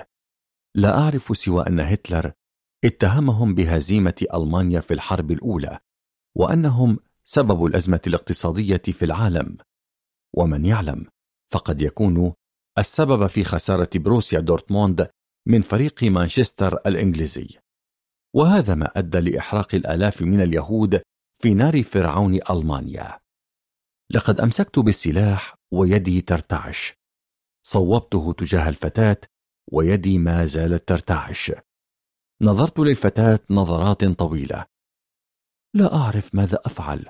عقلي لا يطاوعني. قلبي لا يطاوعني. يدي لا تطاوعني. حتى أنا لا أطاوعني. للحظات أغمض عيني وأفتح لأجد العمدة في ظهري. وأنا أحمل السلاح وأنظر للفتاة. مهلا. إنها ليست الفتاة بل فتاة أخرى. إنها زينب. زينب أختي. يا للهول! ماذا يحدث؟ أين أنا؟ لحظات وعدت لوعي مرة أخرى ولكن لم يتغير شيء. القائد من خلفي يختفي وأنا واقف ساكن لا أفعل شيئا. بدأت الدموع تفيض من دلتا عيني إلى صعيد وجهي. استمرت رأسي في الاهتزاز وسقط السلاح من يدي. كنت أحسب أنك رجل مخلص يمكن الاعتماد عليه. لا أستطيع سيدي لا يمكنني التحمل. لا تنظر أنها طفلة صغيرة. انظر أنها يهودية. ليس لدي مشكلة مع اليهود في ديني هم أهل كتاب. لكن هتلر لديه مشكلة. كان هتلر حقا مريضا نفسيا أو فتى معقد. ليس للفتيات دخل هنا ولكن مع اليهود. كان هتلر من أسرة فقيرة وكان لديه إخوة مما أجبر والدته على العمل في منزل أثرياء يهود. كانوا وحشيين بدرجة تعذيب والدته أمام عينيه. لم يستطع أن يتحرك. لكن كتم في أعماقه. لعن الحاجة ولعن الفقر ولعن اليهود. وكان يحب أن يتذوق اليهود لعنة هتلر. أباد وأحرق. قام بعزلهم عن البشر وفي معسكرات. ذاقوا الجوع والعطش عذبهم بكل الوسائل والطرق. كان يتمنى وجود والدته لترى كيف أصبح ابنها مجنونا كبيرا. هتلر يصبح شيطانا. ولكن اليهود ليسوا ملائكة. ففي الوقت الذي يفعل فيهم الأفاعيل كانوا يحضرون لما هو أسوأ. فعلى فلسطين الآن أن تذوق دواء هتلر لليهود. وهل هتلر هذا مبرر لأقتل طفلة صغيرة؟ دعني أحضر مسلما صغيرا وأحضر يهوديا في سنك ونرى ماذا سيحدث هؤلاء شياطين سيفعلون بك وبالغرب الأفاعيل ألم تسمع يوما عن وعد بلفور وما يخططون له؟ إنجلترا من صنعته وأنا أريد الانتقام منها بشدة ولكن أرجوك لن أستطيع فعل هذا. مخالفة الأوامر العسكرية عقوبتها الموت. أموت إذا لهذا الحد قلبك ضعيف؟ زفر جدرين أنفاس الغضب بداخله وصمت عبد البصير. كما تريد عبد البصير أنت لا تعلم ما قوته على نفسك من فرض. عد الآن لعملك وانتظر حتى تعرف مهمتك الأولى. وأرجو ألا تفسد لأنه في تلك المرة لن أرحمك. تحول كابوس عبد البصير إلى حلم سعيد. هتلر الآن يحقق ما حلم به. كلاهما قد بدأ في طرق أبواب بريطانيا العظمى. ليس طرقها وحسب بل تهشيمها وتفكيكها. فبعد سقوط فرنسا ومعظم أوروبا في قبضته لم يبقى عدو قوي أمامه سوى بريطانيا. لاحت طائرة هتلر كالكلاب الجائعة في الأفق. طور طيران هتلر مقاتلة أقوى من ستوكا وهي لوفت وافا سيدة السماء الجديدة الآن تستعد لقصف أرض المملكة. بدأت في قصف مدن بريطانيا ليلا. تضررت لندن كثيرا. كان شعبها على نحو من القوة. كانوا يبيتون في الأنفاق ليلا ويذهبون للعمل نهارا. سقطت المئات من الأرواح التي ترتدي البدل والفساتين وليس أصحاب الزي العسكري. على العالم أن يرجع أمام سيده الجديد بتاجه الدموي المزين. شعر هتلر بقرب سقوط بريطانيا. أخيرا سيرى رئيس وزرائها تشرشل وهو صامت. منكس الرأس يمضي اتفاقية الاستسلام. ليسير هتلر بوجه عابس وقلب وعقل منتصر. زاد ولائي وإيماني بهتلر وقضيته أخيرا. أرى الإنجليز يبكون ويعذبون مثلما عذبوا بلدي وأهلي وأصدقائي. صحيح أنهم لم يستسلموا بعد ولكن الأمر أصبح قريبا. يستعد الآن سرب من عشرة ألاف طائرة ألمانية للتحليق فوق سماء بريطانيا. يبحثون عن الأهداف الحيوية كحيوانات منوية تبحث عن بويضة. بينما استعدت بريطانيا لمعركة فاصلة في تاريخها خرج تشرشل بالعبارات الحماسية. سنحارب في المدن والقرى والشوارع والأزقة. ستعيش هذه المملكة لآلاف السنين. ولو سقطت فسيقول الناس إن تلك كانت أفضل أوقاتها. تجهز سرب من طائرات بريطانيا الجديدة الماركة سبيد فاير. كانت اسما على مسمى. استطاعت الدخول في معركة جوية فاصلة أمام الطيران الألماني لتسقط منها 500 طائرة بينما أسقطت لهتلر أكثر من ألف طائرة. أصبحت السيادة الجوية والبحرية لبريطانيا. كما أن الحليف الأمريكي لا يزال يزودهم بكل ما يحتاجون. شعر هتلر بخيبة الأمل. كانت تلك أول مرة يهزم فيها في معركة كبيرة كتلك لكن خططه لا تنتهي. ولكن أعتقد أن الهزيمة قد أطاحت بعقله إلى الأبد فلا يوجد شخص عاقل قد يفكر فيما يفكر فيه. سيفعل ما أقدم عليه نابليون بونابرت سابقا ولم يقدر عليه. فكيف سيقدر عليه هو؟ إنه الجحيم بعينه. منتصف شهر يونيو من العام 1941 في الرابعة صباحا من بين ظلام وصمت المعسكر إلا من همهمات حراس الرقابة انطلقت صفارات الإنذار كصيحة فزع. اليوم الموعود. ليهب الجنود من أحلامهم السعيدة والمثيرة لواقعهم المشؤوم. وفي حدث لم يحالفه الحظ في دخول موسوعة جينيس للأرقام القياسية حيث معسكر بأكمله يرتدي ملابسه ويتجمع في ساحة في حوالي أقل من دقيقة كخلية نحل. وشع نور جيدر في الجنود أو بالأحرى نور سيارته الذي أبلغهم بالتحرك من الجزيرة وأنه سيترك قائدا وحوالي ربع الجنود وباقي العمال لإتمام أعمال وحراسة الجزيرة. ولكن طبعا كان عبد البصير ممن سيذهبون إلى ما لا يعرف أحد ما هو. ارتدوا كامل ملابسهم أخذوا سلاحهم وذخيرتهم والمؤن. كان عليهم الإسراع فالسفينة التي ستقلهم إلى ما لا يعرف أحد ما هو ستأتي بعد ساعة من الآن. أتم الجنود استعدادهم بالتأكيد. لم تخلو الجزيرة في هذا الوقت من الجنود والنخيل والإشاعات التي انتشرت كالهشيم. البعض أخرج نظرية عملية بأنهم سيقومون بشن حملة كبيرة على بريطانيا وأنهم مجرد زوج في قطيع خنازير برية في هذا الهجوم.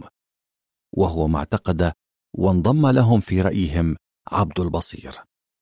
والبعض صحح المقولة بأنهم سيهاجمون الهند أو إسبانيا ولكن سرعة الاستعداد لم تمهلهم الوقت ليفكروا في المفاجأة الغير سارة القادمة. السفينة تلوح في الأفق. ودع عبد البصير زملاءه وآخر ما تبقى له من ذكرياته الحزينة. ولكنه لم يشأ أن ينساها بعد إلا بعد أن يأخذ حقه. استمرت ذكرياته كالحطب الذي يشتعل في حريق قلبه ولكنها لم تكن سوى مجرد نيران صديقة. اعتلينا الآن قمة السفينة البحرية. وضعت كل شعارات هتلر فوقها. فقط كان ينقصها شارب هتلر القصير. بها تشكيلة من أجود أنواع مزهقات الأرواح من مدافع وأسلحة ضخمة كتنين معدني برمائي. شرعت في التحرك. بدأت تبتعد عن الجزيرة شيئا فشيئا. أنظر لها من بعيد كحبة رمل فقدت لونها الأصفر ومالت للأحمر لتظهر بشاعتها المختبئة وراء شواطئها وأشجارها الخلابة. ولكن لقد جاء للجزيرة وهو مجرد عبد واليوم يغادرها كملك. ابتعدت حتى اختفت ولم يبقى منها سوى ما رشح في ذاكرته. وبمجرد الاستقرار على السفينة واستلم الجنود وسائدهم وغرفهم خرج عبد البصير ليلا من غرفته واتجه صوب مقدمة السفينة ليجلس أمام البحر الأزرق نهارا الأسود ليلا كثقب أسود في فضاء خالي. لحظات من الهدوء والسكينة لم يحصل عليهم منذ زمن بالرغم مما هو مقدم عليه ولا يعرفه بعدما قطع الهدوء كمقص حذاء جلدي يحمل صوت بيادة جيش في قدم جدرين انتبه له الهندي فقدم له التحية النازية يرفع يده اليمنى لفوق بينما جلس الآخر مكان عبد البصير وظل هو واقفا. أتعلم عبد البصير؟ اللون الأسود يعطي بريقا خاصا وعظمة للبحر أكثر من اللون الأزرق. ولكنه أيضا يضفي عليه بعض الخوف وعدم الوضوح. البحر نهارا مكان للحمقى والعامة والكشافة يجلسون أمامه لبعض الحب والتأمل والبلاهة أما ليلا فهو للرجال فقط هل سمعت يوما في حكاية أو قصة عن بحار ما عبر البحر نهارا؟ سيدي هل لي أن أسأل إلى أين تتجه وماذا ستفعل؟ أعتقد أننا سنذهب لفرنسا ليحتسي الجيش الألماني بعض القهوة أمام برج إيفل والعودة مرة أخرى. عفوا سيدي على سؤالي. عبد البصير أنا أحبك لذكائك. لا تشعرني بالخزي تجاهك.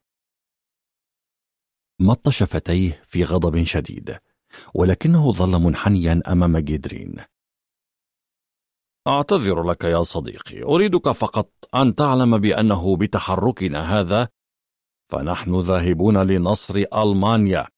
لا يهم ماذا سنفعل أو ما هي مهمتنا. وأيضا لا يهم أين سنذهب. عليكم فقط الاستعداد والتفاني فيما ستفعلونه عليكم فقط الولاء للقادة. ولكن لا تتفانى أكثر من اللازم. ما أهمية القادة؟ لا أراهم سوى بعض نزلاء دار مسنين. أتعلم لماذا يرتدي القادة في الحروب ملابس جنود؟ لأن الجندي إن سقط في أيدي الأعداء فأقصى معلوماته هو عدد حصص الطعام التي يتناولها. أما القائد فهو يعرف حتى مقاسات ملابس جنوده الداخلية. لو مات عسكري على رقعة الشطرنج فهذا لن يؤثر كثيرا على مجريات اللعبة. ولكن لو سقطت أحجار الطابية أو الحصان فالملك سيكون في مأزق كبير. ولكني حتى الآن لم أحضر حربا حقيقية. كيف سأعمل بمفردي؟ استمع إلي جيدا يا عبد البصير في كلماتي. تلك الحرب لا تقبل القسمة على اثنين. روحك أمام روح أخرى. في الحرب ستتألم وستبكي. ستنوح كالنساء في الحرب. ستضحك وترقص. ستقاوم كالجبال. في الحرب ستندهش وستندم. ستسلم كالفئران. الحرب عبارة عن غضب وفرح وأمل وضعف ومقاومة وهزيمة وسعادة وحزن وأشلاء مبعثرة وجثث متفحمة وصديق مقتول وحبيبة مجروحة وأطفال مشردين. أخشى أن أسقط في بداية المعركة. لو سقطت سيبارك الرب روحك. ولكن إن استمريت فاحرص على أن لا تصل روح أعدائك للرب. هل نحن على حق؟ لا أعرف. عندما سأذهب للرب سأسأله. ولكن في النهاية هم من أعلنوا الحرب أولا. ولكن يبدو من اتجاه السفينة أننا لسنا في اتجاه بريطانيا بل نتجه نحو الشرق الشرق؟ وماذا نفعل في الشرق؟ يبدو أن رياح هتلر ستهب على أرض ستالين ستالين؟ ستالين؟ أتقصد أننا سنذهب للاتحاد السوفيتي؟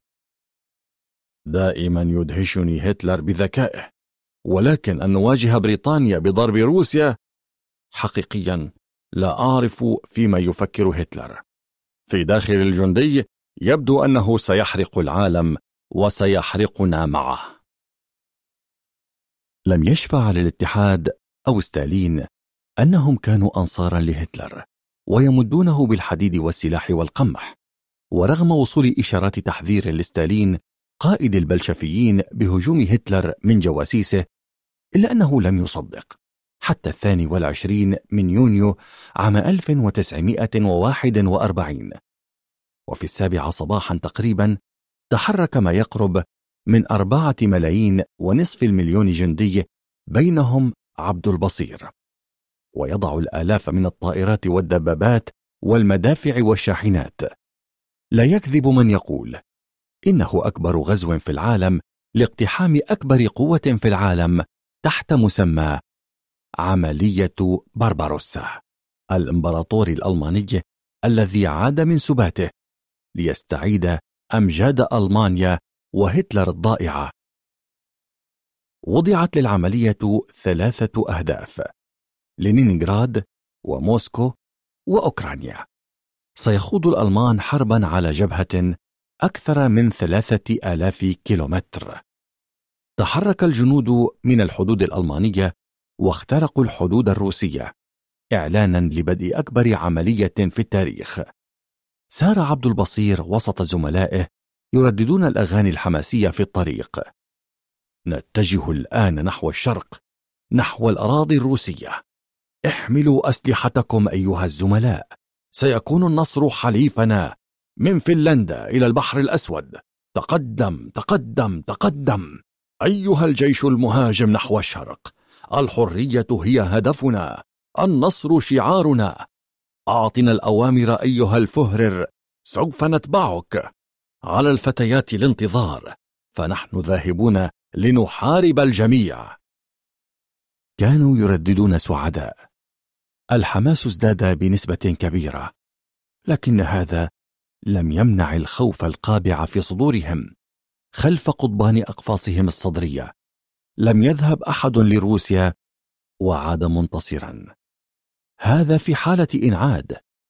الاتحاد ليس دولة بل قارة كبيرة. تحركنا مئات الكيلومترات بدون وجهة. نخترق أراضي شاسعة على طول الطريق. لم نجد سوى مقاومة بسيطة. لم يتوقع البلشفيون تحركنا بسرعة. كانوا يملكون سلاحا واحدا لكل أربعة رجال. أسرنا كتائب بأكملها. لاح النصر في الأفق ولكن لا تنتهي الحروب بتلك السهولة. فنحن نسير في طريق غير ممهدة. كانت الإمدادات تصل بصعوبة. وعندما نقترب من قرية كان الفلاحون يحرقون كل شيء. اتبعوا سياسة الأرض المحروقة بأوامر ستالين. لن يتركوا لنا بيتا أو طعاما أو شرابا أو مأوى. لن نحصل على غنائم. لن نجد سوى الرماد الذي أصبح يلون كل شيء أمامنا. والروس يبتعدون بالقطارات ناحية جبال الأورال. وأخيرا نقترب. وصلنا لحدود مدينة أسمولييك آخر مدينة قبل موسكو عاصمة الجانب الشرقي من العالم. وفي خلال ثلاثة أسابيع خضعت لنا المدينة بالكامل ولكن الطعام أوشك على النفاذ. زاد القلق من أن يقضي علينا الجوع بدلا من رصاص الروس. أعطى هتلر الأوامر بالهجوم على أوكرانيا للحصول على القمح ولكن لم نخض حربا هناك. عاملنا الأوكرانيون جيدا كانوا يكرهون ستالين والروس. الظلم قادر على جعلك تكره كل ما تؤمن به وتحيا عليه. اعتبرونا محررين ومنقذين. ولكن القيادات الحكيمة استعبدت الأوكرانيين حتى الموت. وكان الموت ينتظرنا نحن أيضا. أخيرا انتهت الماكينة الألمانية من سحب خير أوكرانيا من الطعام والشراب. الآن نستطيع الرحيل بعدما نهينا كل شيء بل واستعبدت القيادات أوكرانيا الذين توسموا خيرا في الألمان وأنهم سينقذونهم من بطش ستالين. الآن نستطيع إكمال طريقنا نحو موسكو بضمير راض وسعيد. قطعنا الكيلو في الآخر بسرعة أسد إفريقي ولكن كان للطبيعة كلمات أخرى. لقد بدأ الخريف. ولكن خريف روسيا ليس كأي خريف آخر. لقد قصفتنا السماء يوميا بوابل من الماء البارد. ولكن ماذا يفعل بعض الماء أمام أضخم جيش في العالم؟ لا سوف يفعل. لقد استقبلت الأرض هدية السماء وامتزج الماء بالتراب مكونا جبالا من الطين. لقد كان الطين البالي أخطر على ألمانيا من روسيا نفسها. مثلما كان الطين البالي سبب قيام الحرب وكل مشاكل الأرض منذ يوم خلق الله الطينة الآدمية. آدم عليه السلام لقد عاقت حركتنا لقد بطؤت السيارات ثم توقفت دبابات ألمانيا خرت سريعا أمام الطين قلت سرعة الجنود أصبح الجندي القادر على حمل قدمه من مرتفع ليتحرك لموضع آخر بطلا يجب تكريمه على ساحات المنايا. شلت الحركة تماما. تركنا الأغراض الثقيلة. أصبحنا نجتاز مسافات قصيرة يوميا. ولكن هذا أيضا لم يساعد الإمدادات على أن تصل. ولكن يجب أن نصل إلى موسكو بأي شكل. أصبحنا على هذا الوضع طوال الخريف. كنا نظن أن هذا أخطر ما سيحدث. ولكننا سبقنا الأحداث. زحفنا إلى موسكو. الخريف سينتهي وهدأت الأمطار أخيرا. ستنتهي الحرب قريبا. سنسحق روسيا كما سحقت أوكرانيا ولينينغراد التي قضى حصار الطعام والقصف المدفعي على آخر نفس مقاومة لديها. ولم يبقى سوى العاصمة موسكو. وعندما يضع هتلر يده على روسيا وخيرها سيحكم العالم قريبا. سيبارك المسيح أرواحنا. سيغمرنا بالرحمة والمغفرة. ستنمو أزهار الياسمين والنرجس فوق قبورنا. سيزين الصليب الأبيض قبورنا. ولكن أي صليب سيعلق؟ صليب الرب أم صليب هتلر المعقوف؟ كيف للرب أن يرحمنا ونحن قتله؟ قتلنا حتى القساوسة. هشمنا صلبانه وحرقنا الأيقونات. رأيت صور المسيح تحترق ولم أحرك ساكنا. سيحرقنا الرب بنار السماء عقابا على نار الأرض التي أشعلناها. حتى صليبنا المعقوف حتى الصليب لم يسلم منك يا هتلر. يقال بأن الشخص لحظة موته يقول الحقيقة. كانت هذه آخر كلمات نطق بها جندي ألماني. رجل في أواخر الأربعينيات. لا أعلم ما مؤهله ليستحمل معاناة كتلك. فخذه مترهل. معدته كمنطاد هيليوم. مواصفات تليق بطاه وليس محارب. حبس العديد من الجنود في العيادة دموعهم. دموع مجهولة الهوية. أشفقة أم خوفا من مصير مشابه من رصاصة تنهي كل شيء. والوضع الراهن يدعم المقولة الثانية لأسباب عدة. واحد وصول درجات الحرارة لما يقارب أربعين درجة تحت الصفر. اثنان أرض قاحلة تمتد لآلاف الكيلومترات دون نهاية. ثلاثة جيش متواضع قوامه جنود بدرجة فلاحين وعمال. أربعة سقوط الآلاف من الجيش ودفنهم الثلج. خمسة نستنتج مما سبق موتا أكيدا وهزيمة وشكا. عجبا لهذه الحرب. قادة في قلاع وحصون يحيون الجنود وهم خارجون للحرب. فيعود ما تبقى منهم إما جرحى وإما مشوهين. وأيضا يؤدون التحية. تغير حال الجنود ولكن القادة لم يتغيروا ولم تخدش حتى قلاعهم. لا يهمهم فقط سوى أن تؤدى التحية لهم. في تلك اللحظات وصل قائد الكتيبة ومعه الدكتور المشرف استعدوا لخطبة رنانة مكررة مملة. أبناء ألمانيا وجنود هتلر. نعلم أننا نمر بظروف عصيبة ولكن النصر وشيك. قريبا ستسقط روسيا ويسقط اتحادهم وسنسود العالم. سنضعف نحن حتى لا تضعف ألمانيا. سنصاب نحن حتى لا تصاب ألمانيا. سنموت نحن حتى لا تموت ألمانيا. ألمانيا أم هتلر؟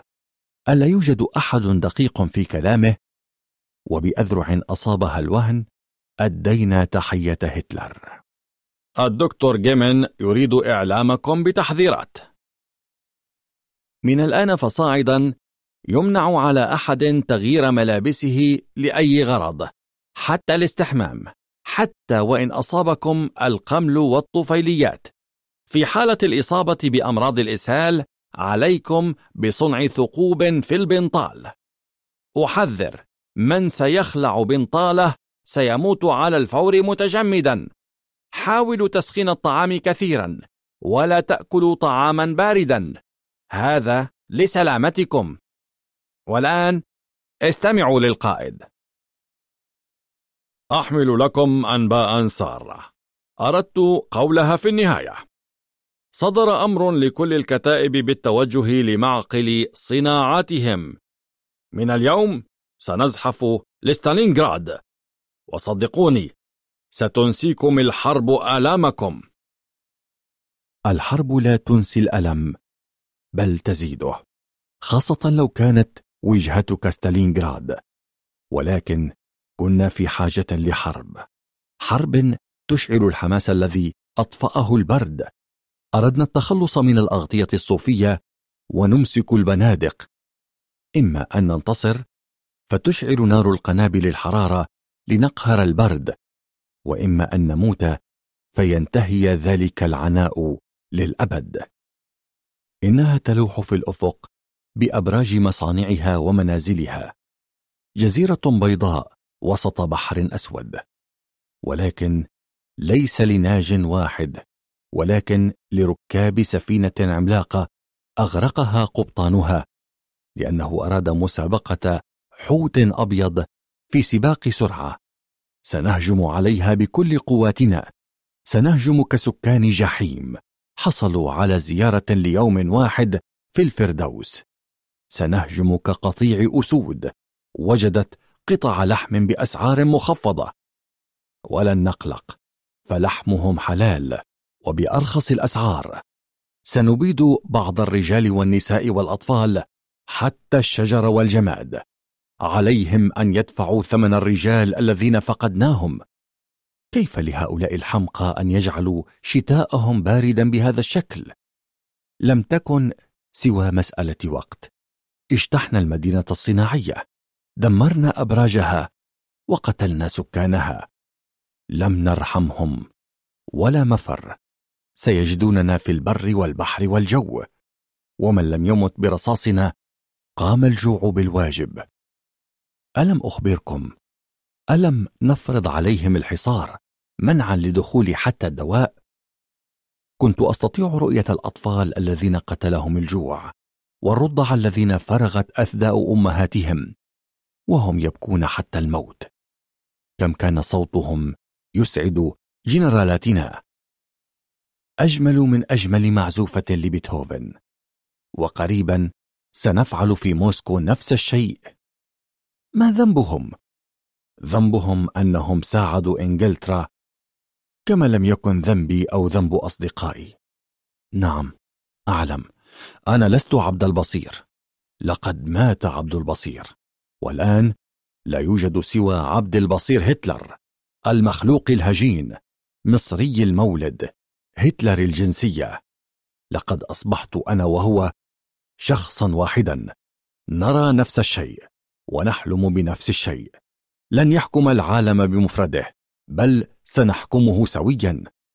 مثلما وقف هو يوما يؤدي التحية لملوكه سيقف من أجل الملايين في ساحات برلين وباريس ولندن وموسكو. لن أقول شيئا ولن يقولوا هم شيئا. سيرفعون أيديهم فقط ويؤدون التحية من أجلي. سيقولون فقط هاي عبد البصير. وبينما أنا غارق في أحلامي انقلب الأمر رأسا على عقب. لقد عاد الروس للمقاومة. لم يستسلموا بعد. ليست فقط سوى حلاوة روح لبقرة مذبوحة تظن بتحريك جسدها أن الجزار سيبتعد. هو فقط ينتظرها حتى تصفي وتنهي ما لديها. سنعتبر أنفسنا في تدريب ليس أكثر. الوضع يتغير. نقابل الآلاف من المسلحين. الآن وصلتنا أنباء أن الروس حرروا أوكرانيا من أيدينا واستعمروها. كل ما حققنا من مكاسب تذهب. حتى المدينة التي حاصرناها اكتشفنا أنهم نقلوا مصانع السلاح والذخيرة بعيدا عنا.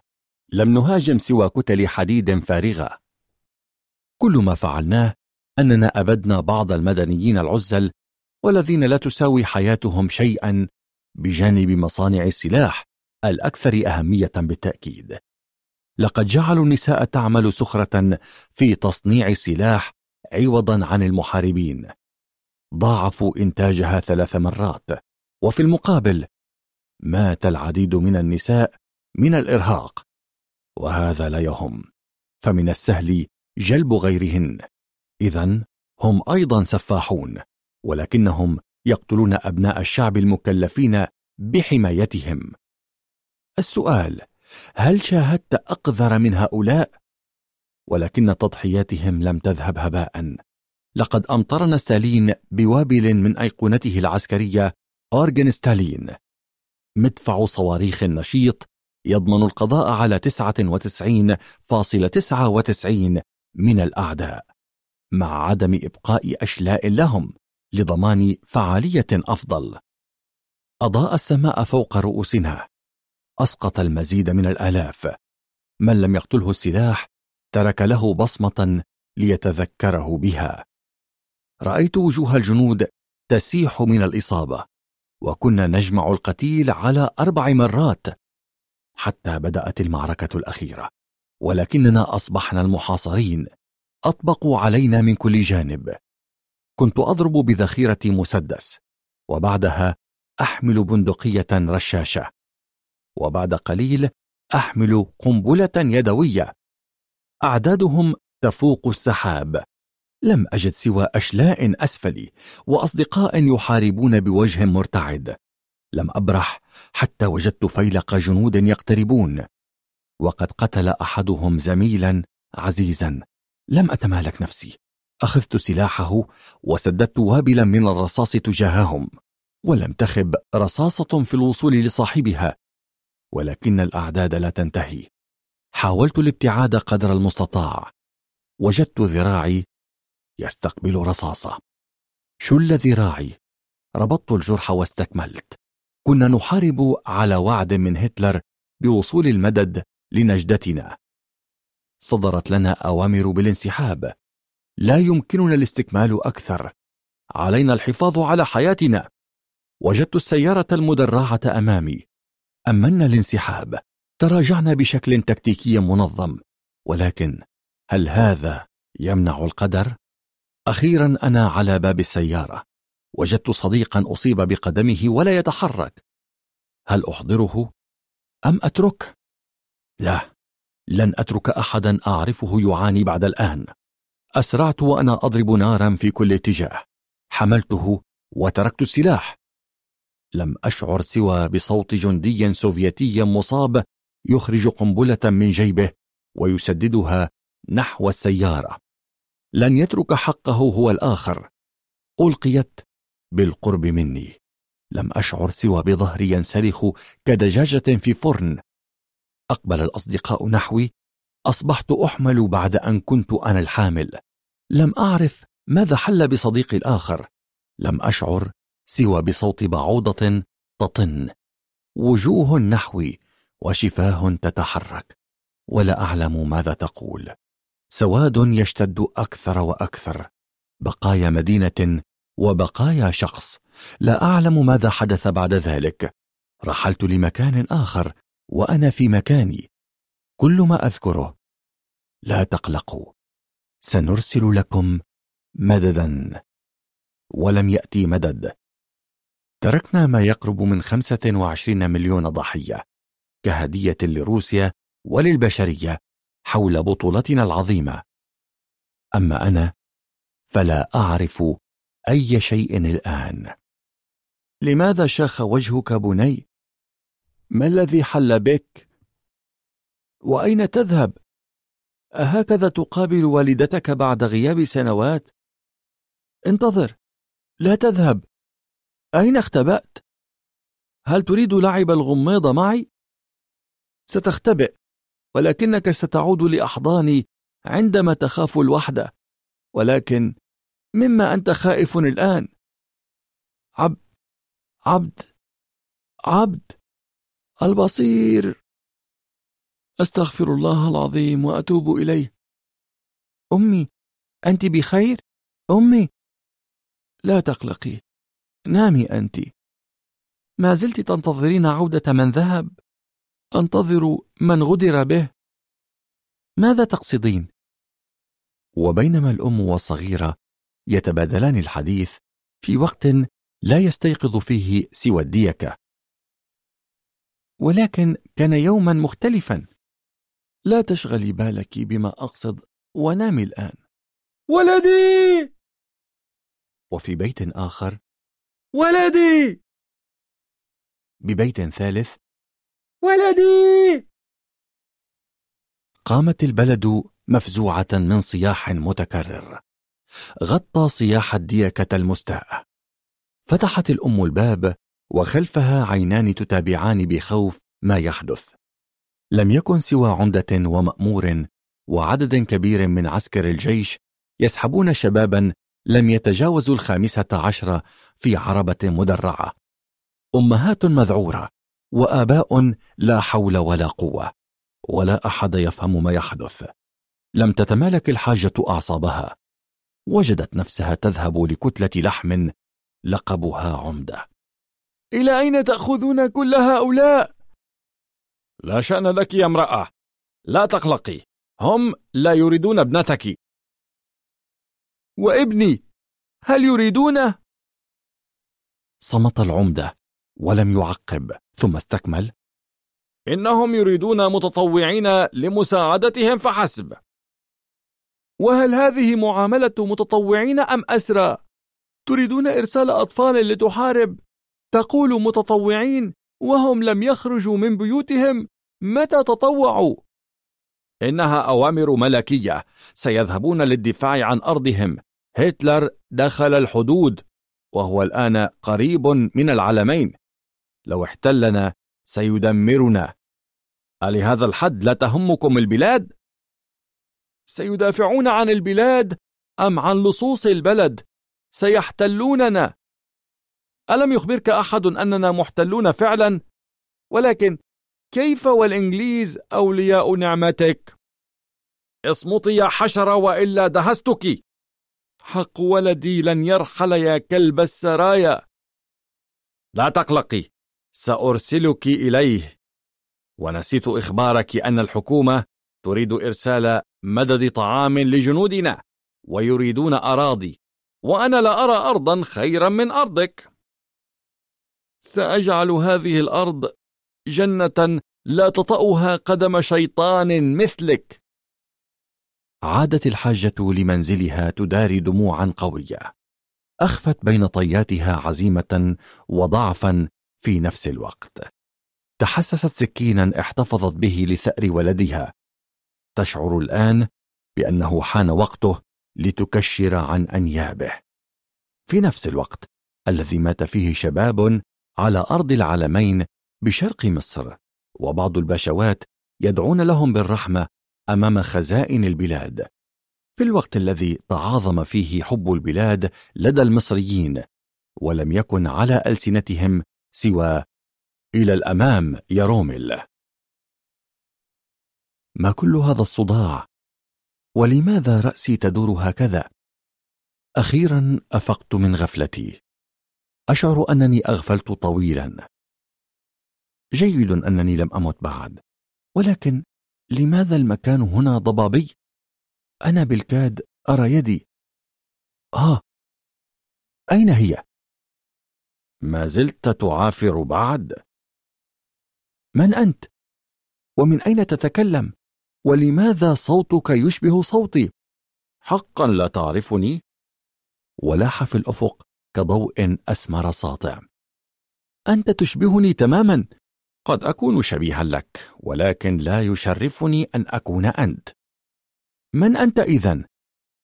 عبد البصير السيد إمام. أنت أنا إذن؟ قلت سيد إمام. وليس أدولف هتلر؟ هل أنت صوت ضمير الأحمق؟ جاء ليرشدني لطريق الصواب؟ الضمير للبشر وليس للحمقى. وهل ضميري أسود هكذا؟ كنت أسود اللون وأبيض القلب. كنت أحمقا. كنت على الأقل إنسانا وليس حيوانا. إنسان مجنون إنسان ساذج. كنت أتعرض للإيذاء وأصمت. ماذا فعلت لتلومني؟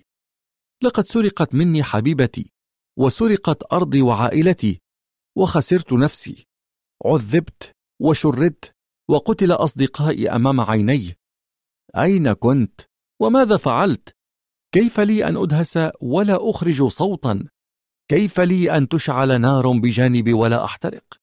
لا أريد أن أكون الأحمق أريد أن أكون هتلر هتلر الذي يأخذ حقه هتلر الذي يخشاه الجميع هتلر الحاكم القادم للبشر هتلر ليس شخصا هتلر هو فكرة هتلر عقيدة هتلر إله وهل أنت الآن إله؟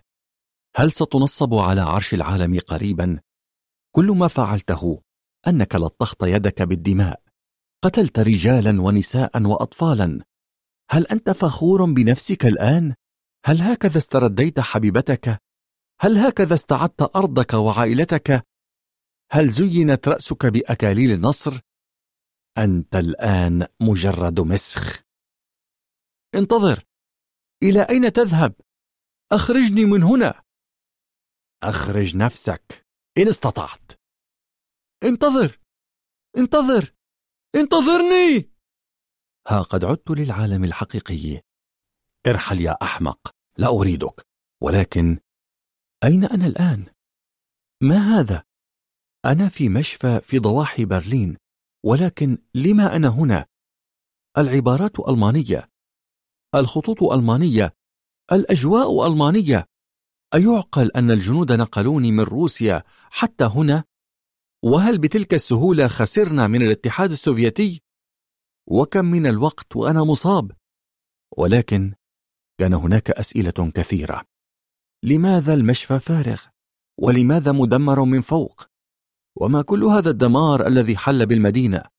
لولا اللغة والتصميم المعماري لما صدقت أنني ببرلين وأين البشر؟ هل أصبحت مدينة أشباح؟ ولكن السؤال الأهم والذي طرحته في الحلم أين كفي الأيسر؟ هل أصبت في المعركة؟ هل أصبحت ذا إعاقة؟ كيف سأكون بجيش هتلر بتلك الإصابة؟ وما تلك الملابس التي أرتديها؟ هل خرجت من حلم لأدخل حلما آخر؟ هل تلك أسوأ أحلامي أم أفزع كوابيسي؟ خرجت لأجد الحطام كل شيء انتهى ودمر قابلت في طريقي جنديا علامات الفزع ستقفز من وجهه لم يقل سوى شيء واحد انجو بعمرك بعد تلك الجملة أدركت النهاية.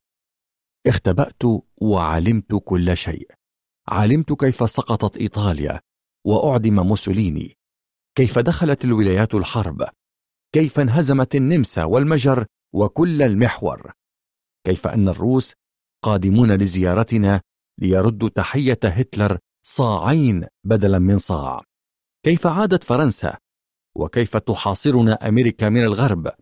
علمت أن الروس اقتحموا حواجز الدفاع وأطلقوا أكثر من مليون قذيفة مدفع في أول يوم من الغزو.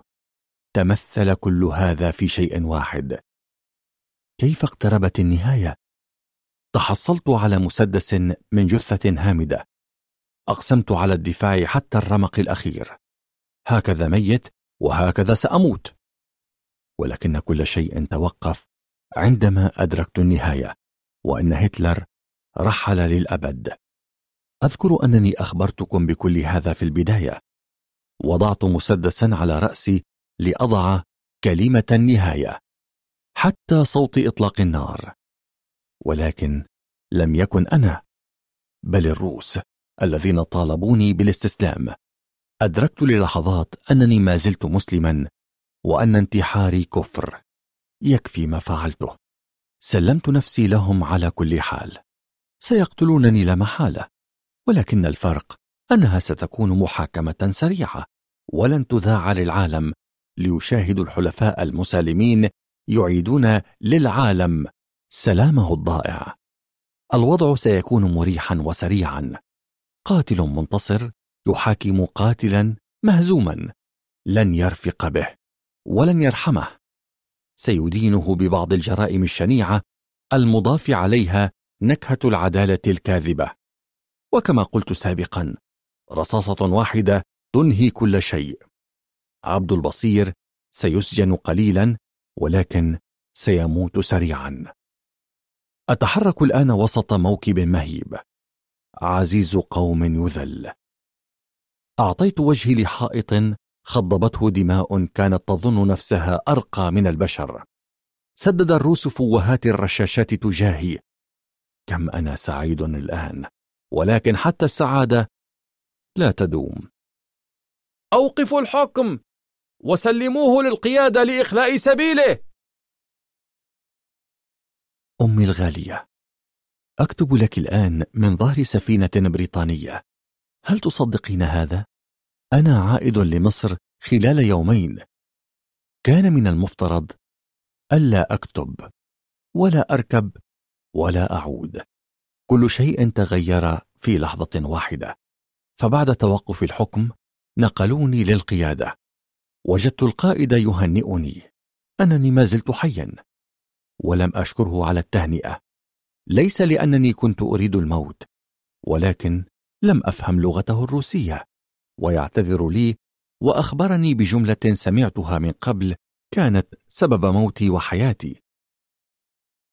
وجدنا اسمك مدرجا تحت الخدمة العسكرية البريطانية عودا لمكاني الطبيعي.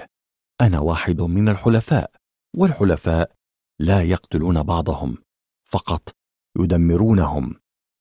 عزيزي المسكين ماذا فعلوا بك؟ من المؤكد أهانوك وعذبوك كي تساعدهم ولكن لا تقلق سنعيدك إلى مصر قريبا. أنت بطل الآن. ليتهم يعرفون حقيقتي ويقتلوني. مكثت في ألمانيا أسبوعا حتى ألحقوني بسفينة متجهة صوب مصر. مكثت أراقب الألمان أو ما تبقى منهم. أمي الغالية وجدت هناك نساء لا يقلون عنك يصنعون الطعام ثم ينقلون الحطام من فوق منازلهم. وجدت أطفالا تجلس فيما يشبه مدرسة ليحصلوا العلم. وجدت رجالا كهلا ينسون آلام الغضروف والضغط وشرعوا في العمل مكان الشباب الموت الآن. وجدت شعبا يريد العودة للحياة لا يبكي على ماضيه بل ينتظر حاضره. لقد تركوا اللبن المسكوب وأخذوا في تربية البقر لصنع لبن آخر. هل هذا هو الحال في بلدنا الآن؟ كل ما حدث أن العسكر طردوا الملوك ولكنهم سكنوا في قصورهم الذهبية وارتدوا حريرهم وأخذوا ألقابهم. حتى سطوتهم لم ينسوها. أمي الغالية. الحرب دمار. الحرب هزيمة للمنتصر والمهزوم. الحرب لا تقتل السياسيين ولا التجار ولا أصحاب الذهب. الحرب تقتل البسطاء فقط. طوال الحرب لم أجد وزيرا أو زعيما أو رئيس قضاة قتل. وجدت فقط أموالهم تزيد وبطونهم تمتلئ. أمي الغالية قد لا أعود في القريب العاجل. هناك أشخاص وقفوا بجانبي. أريد أن أرد لهم عرفانهم. الذي لم أستطع أن أرده سابقا عبد البصير عبد البصير ماذا يوجد فلاديمير؟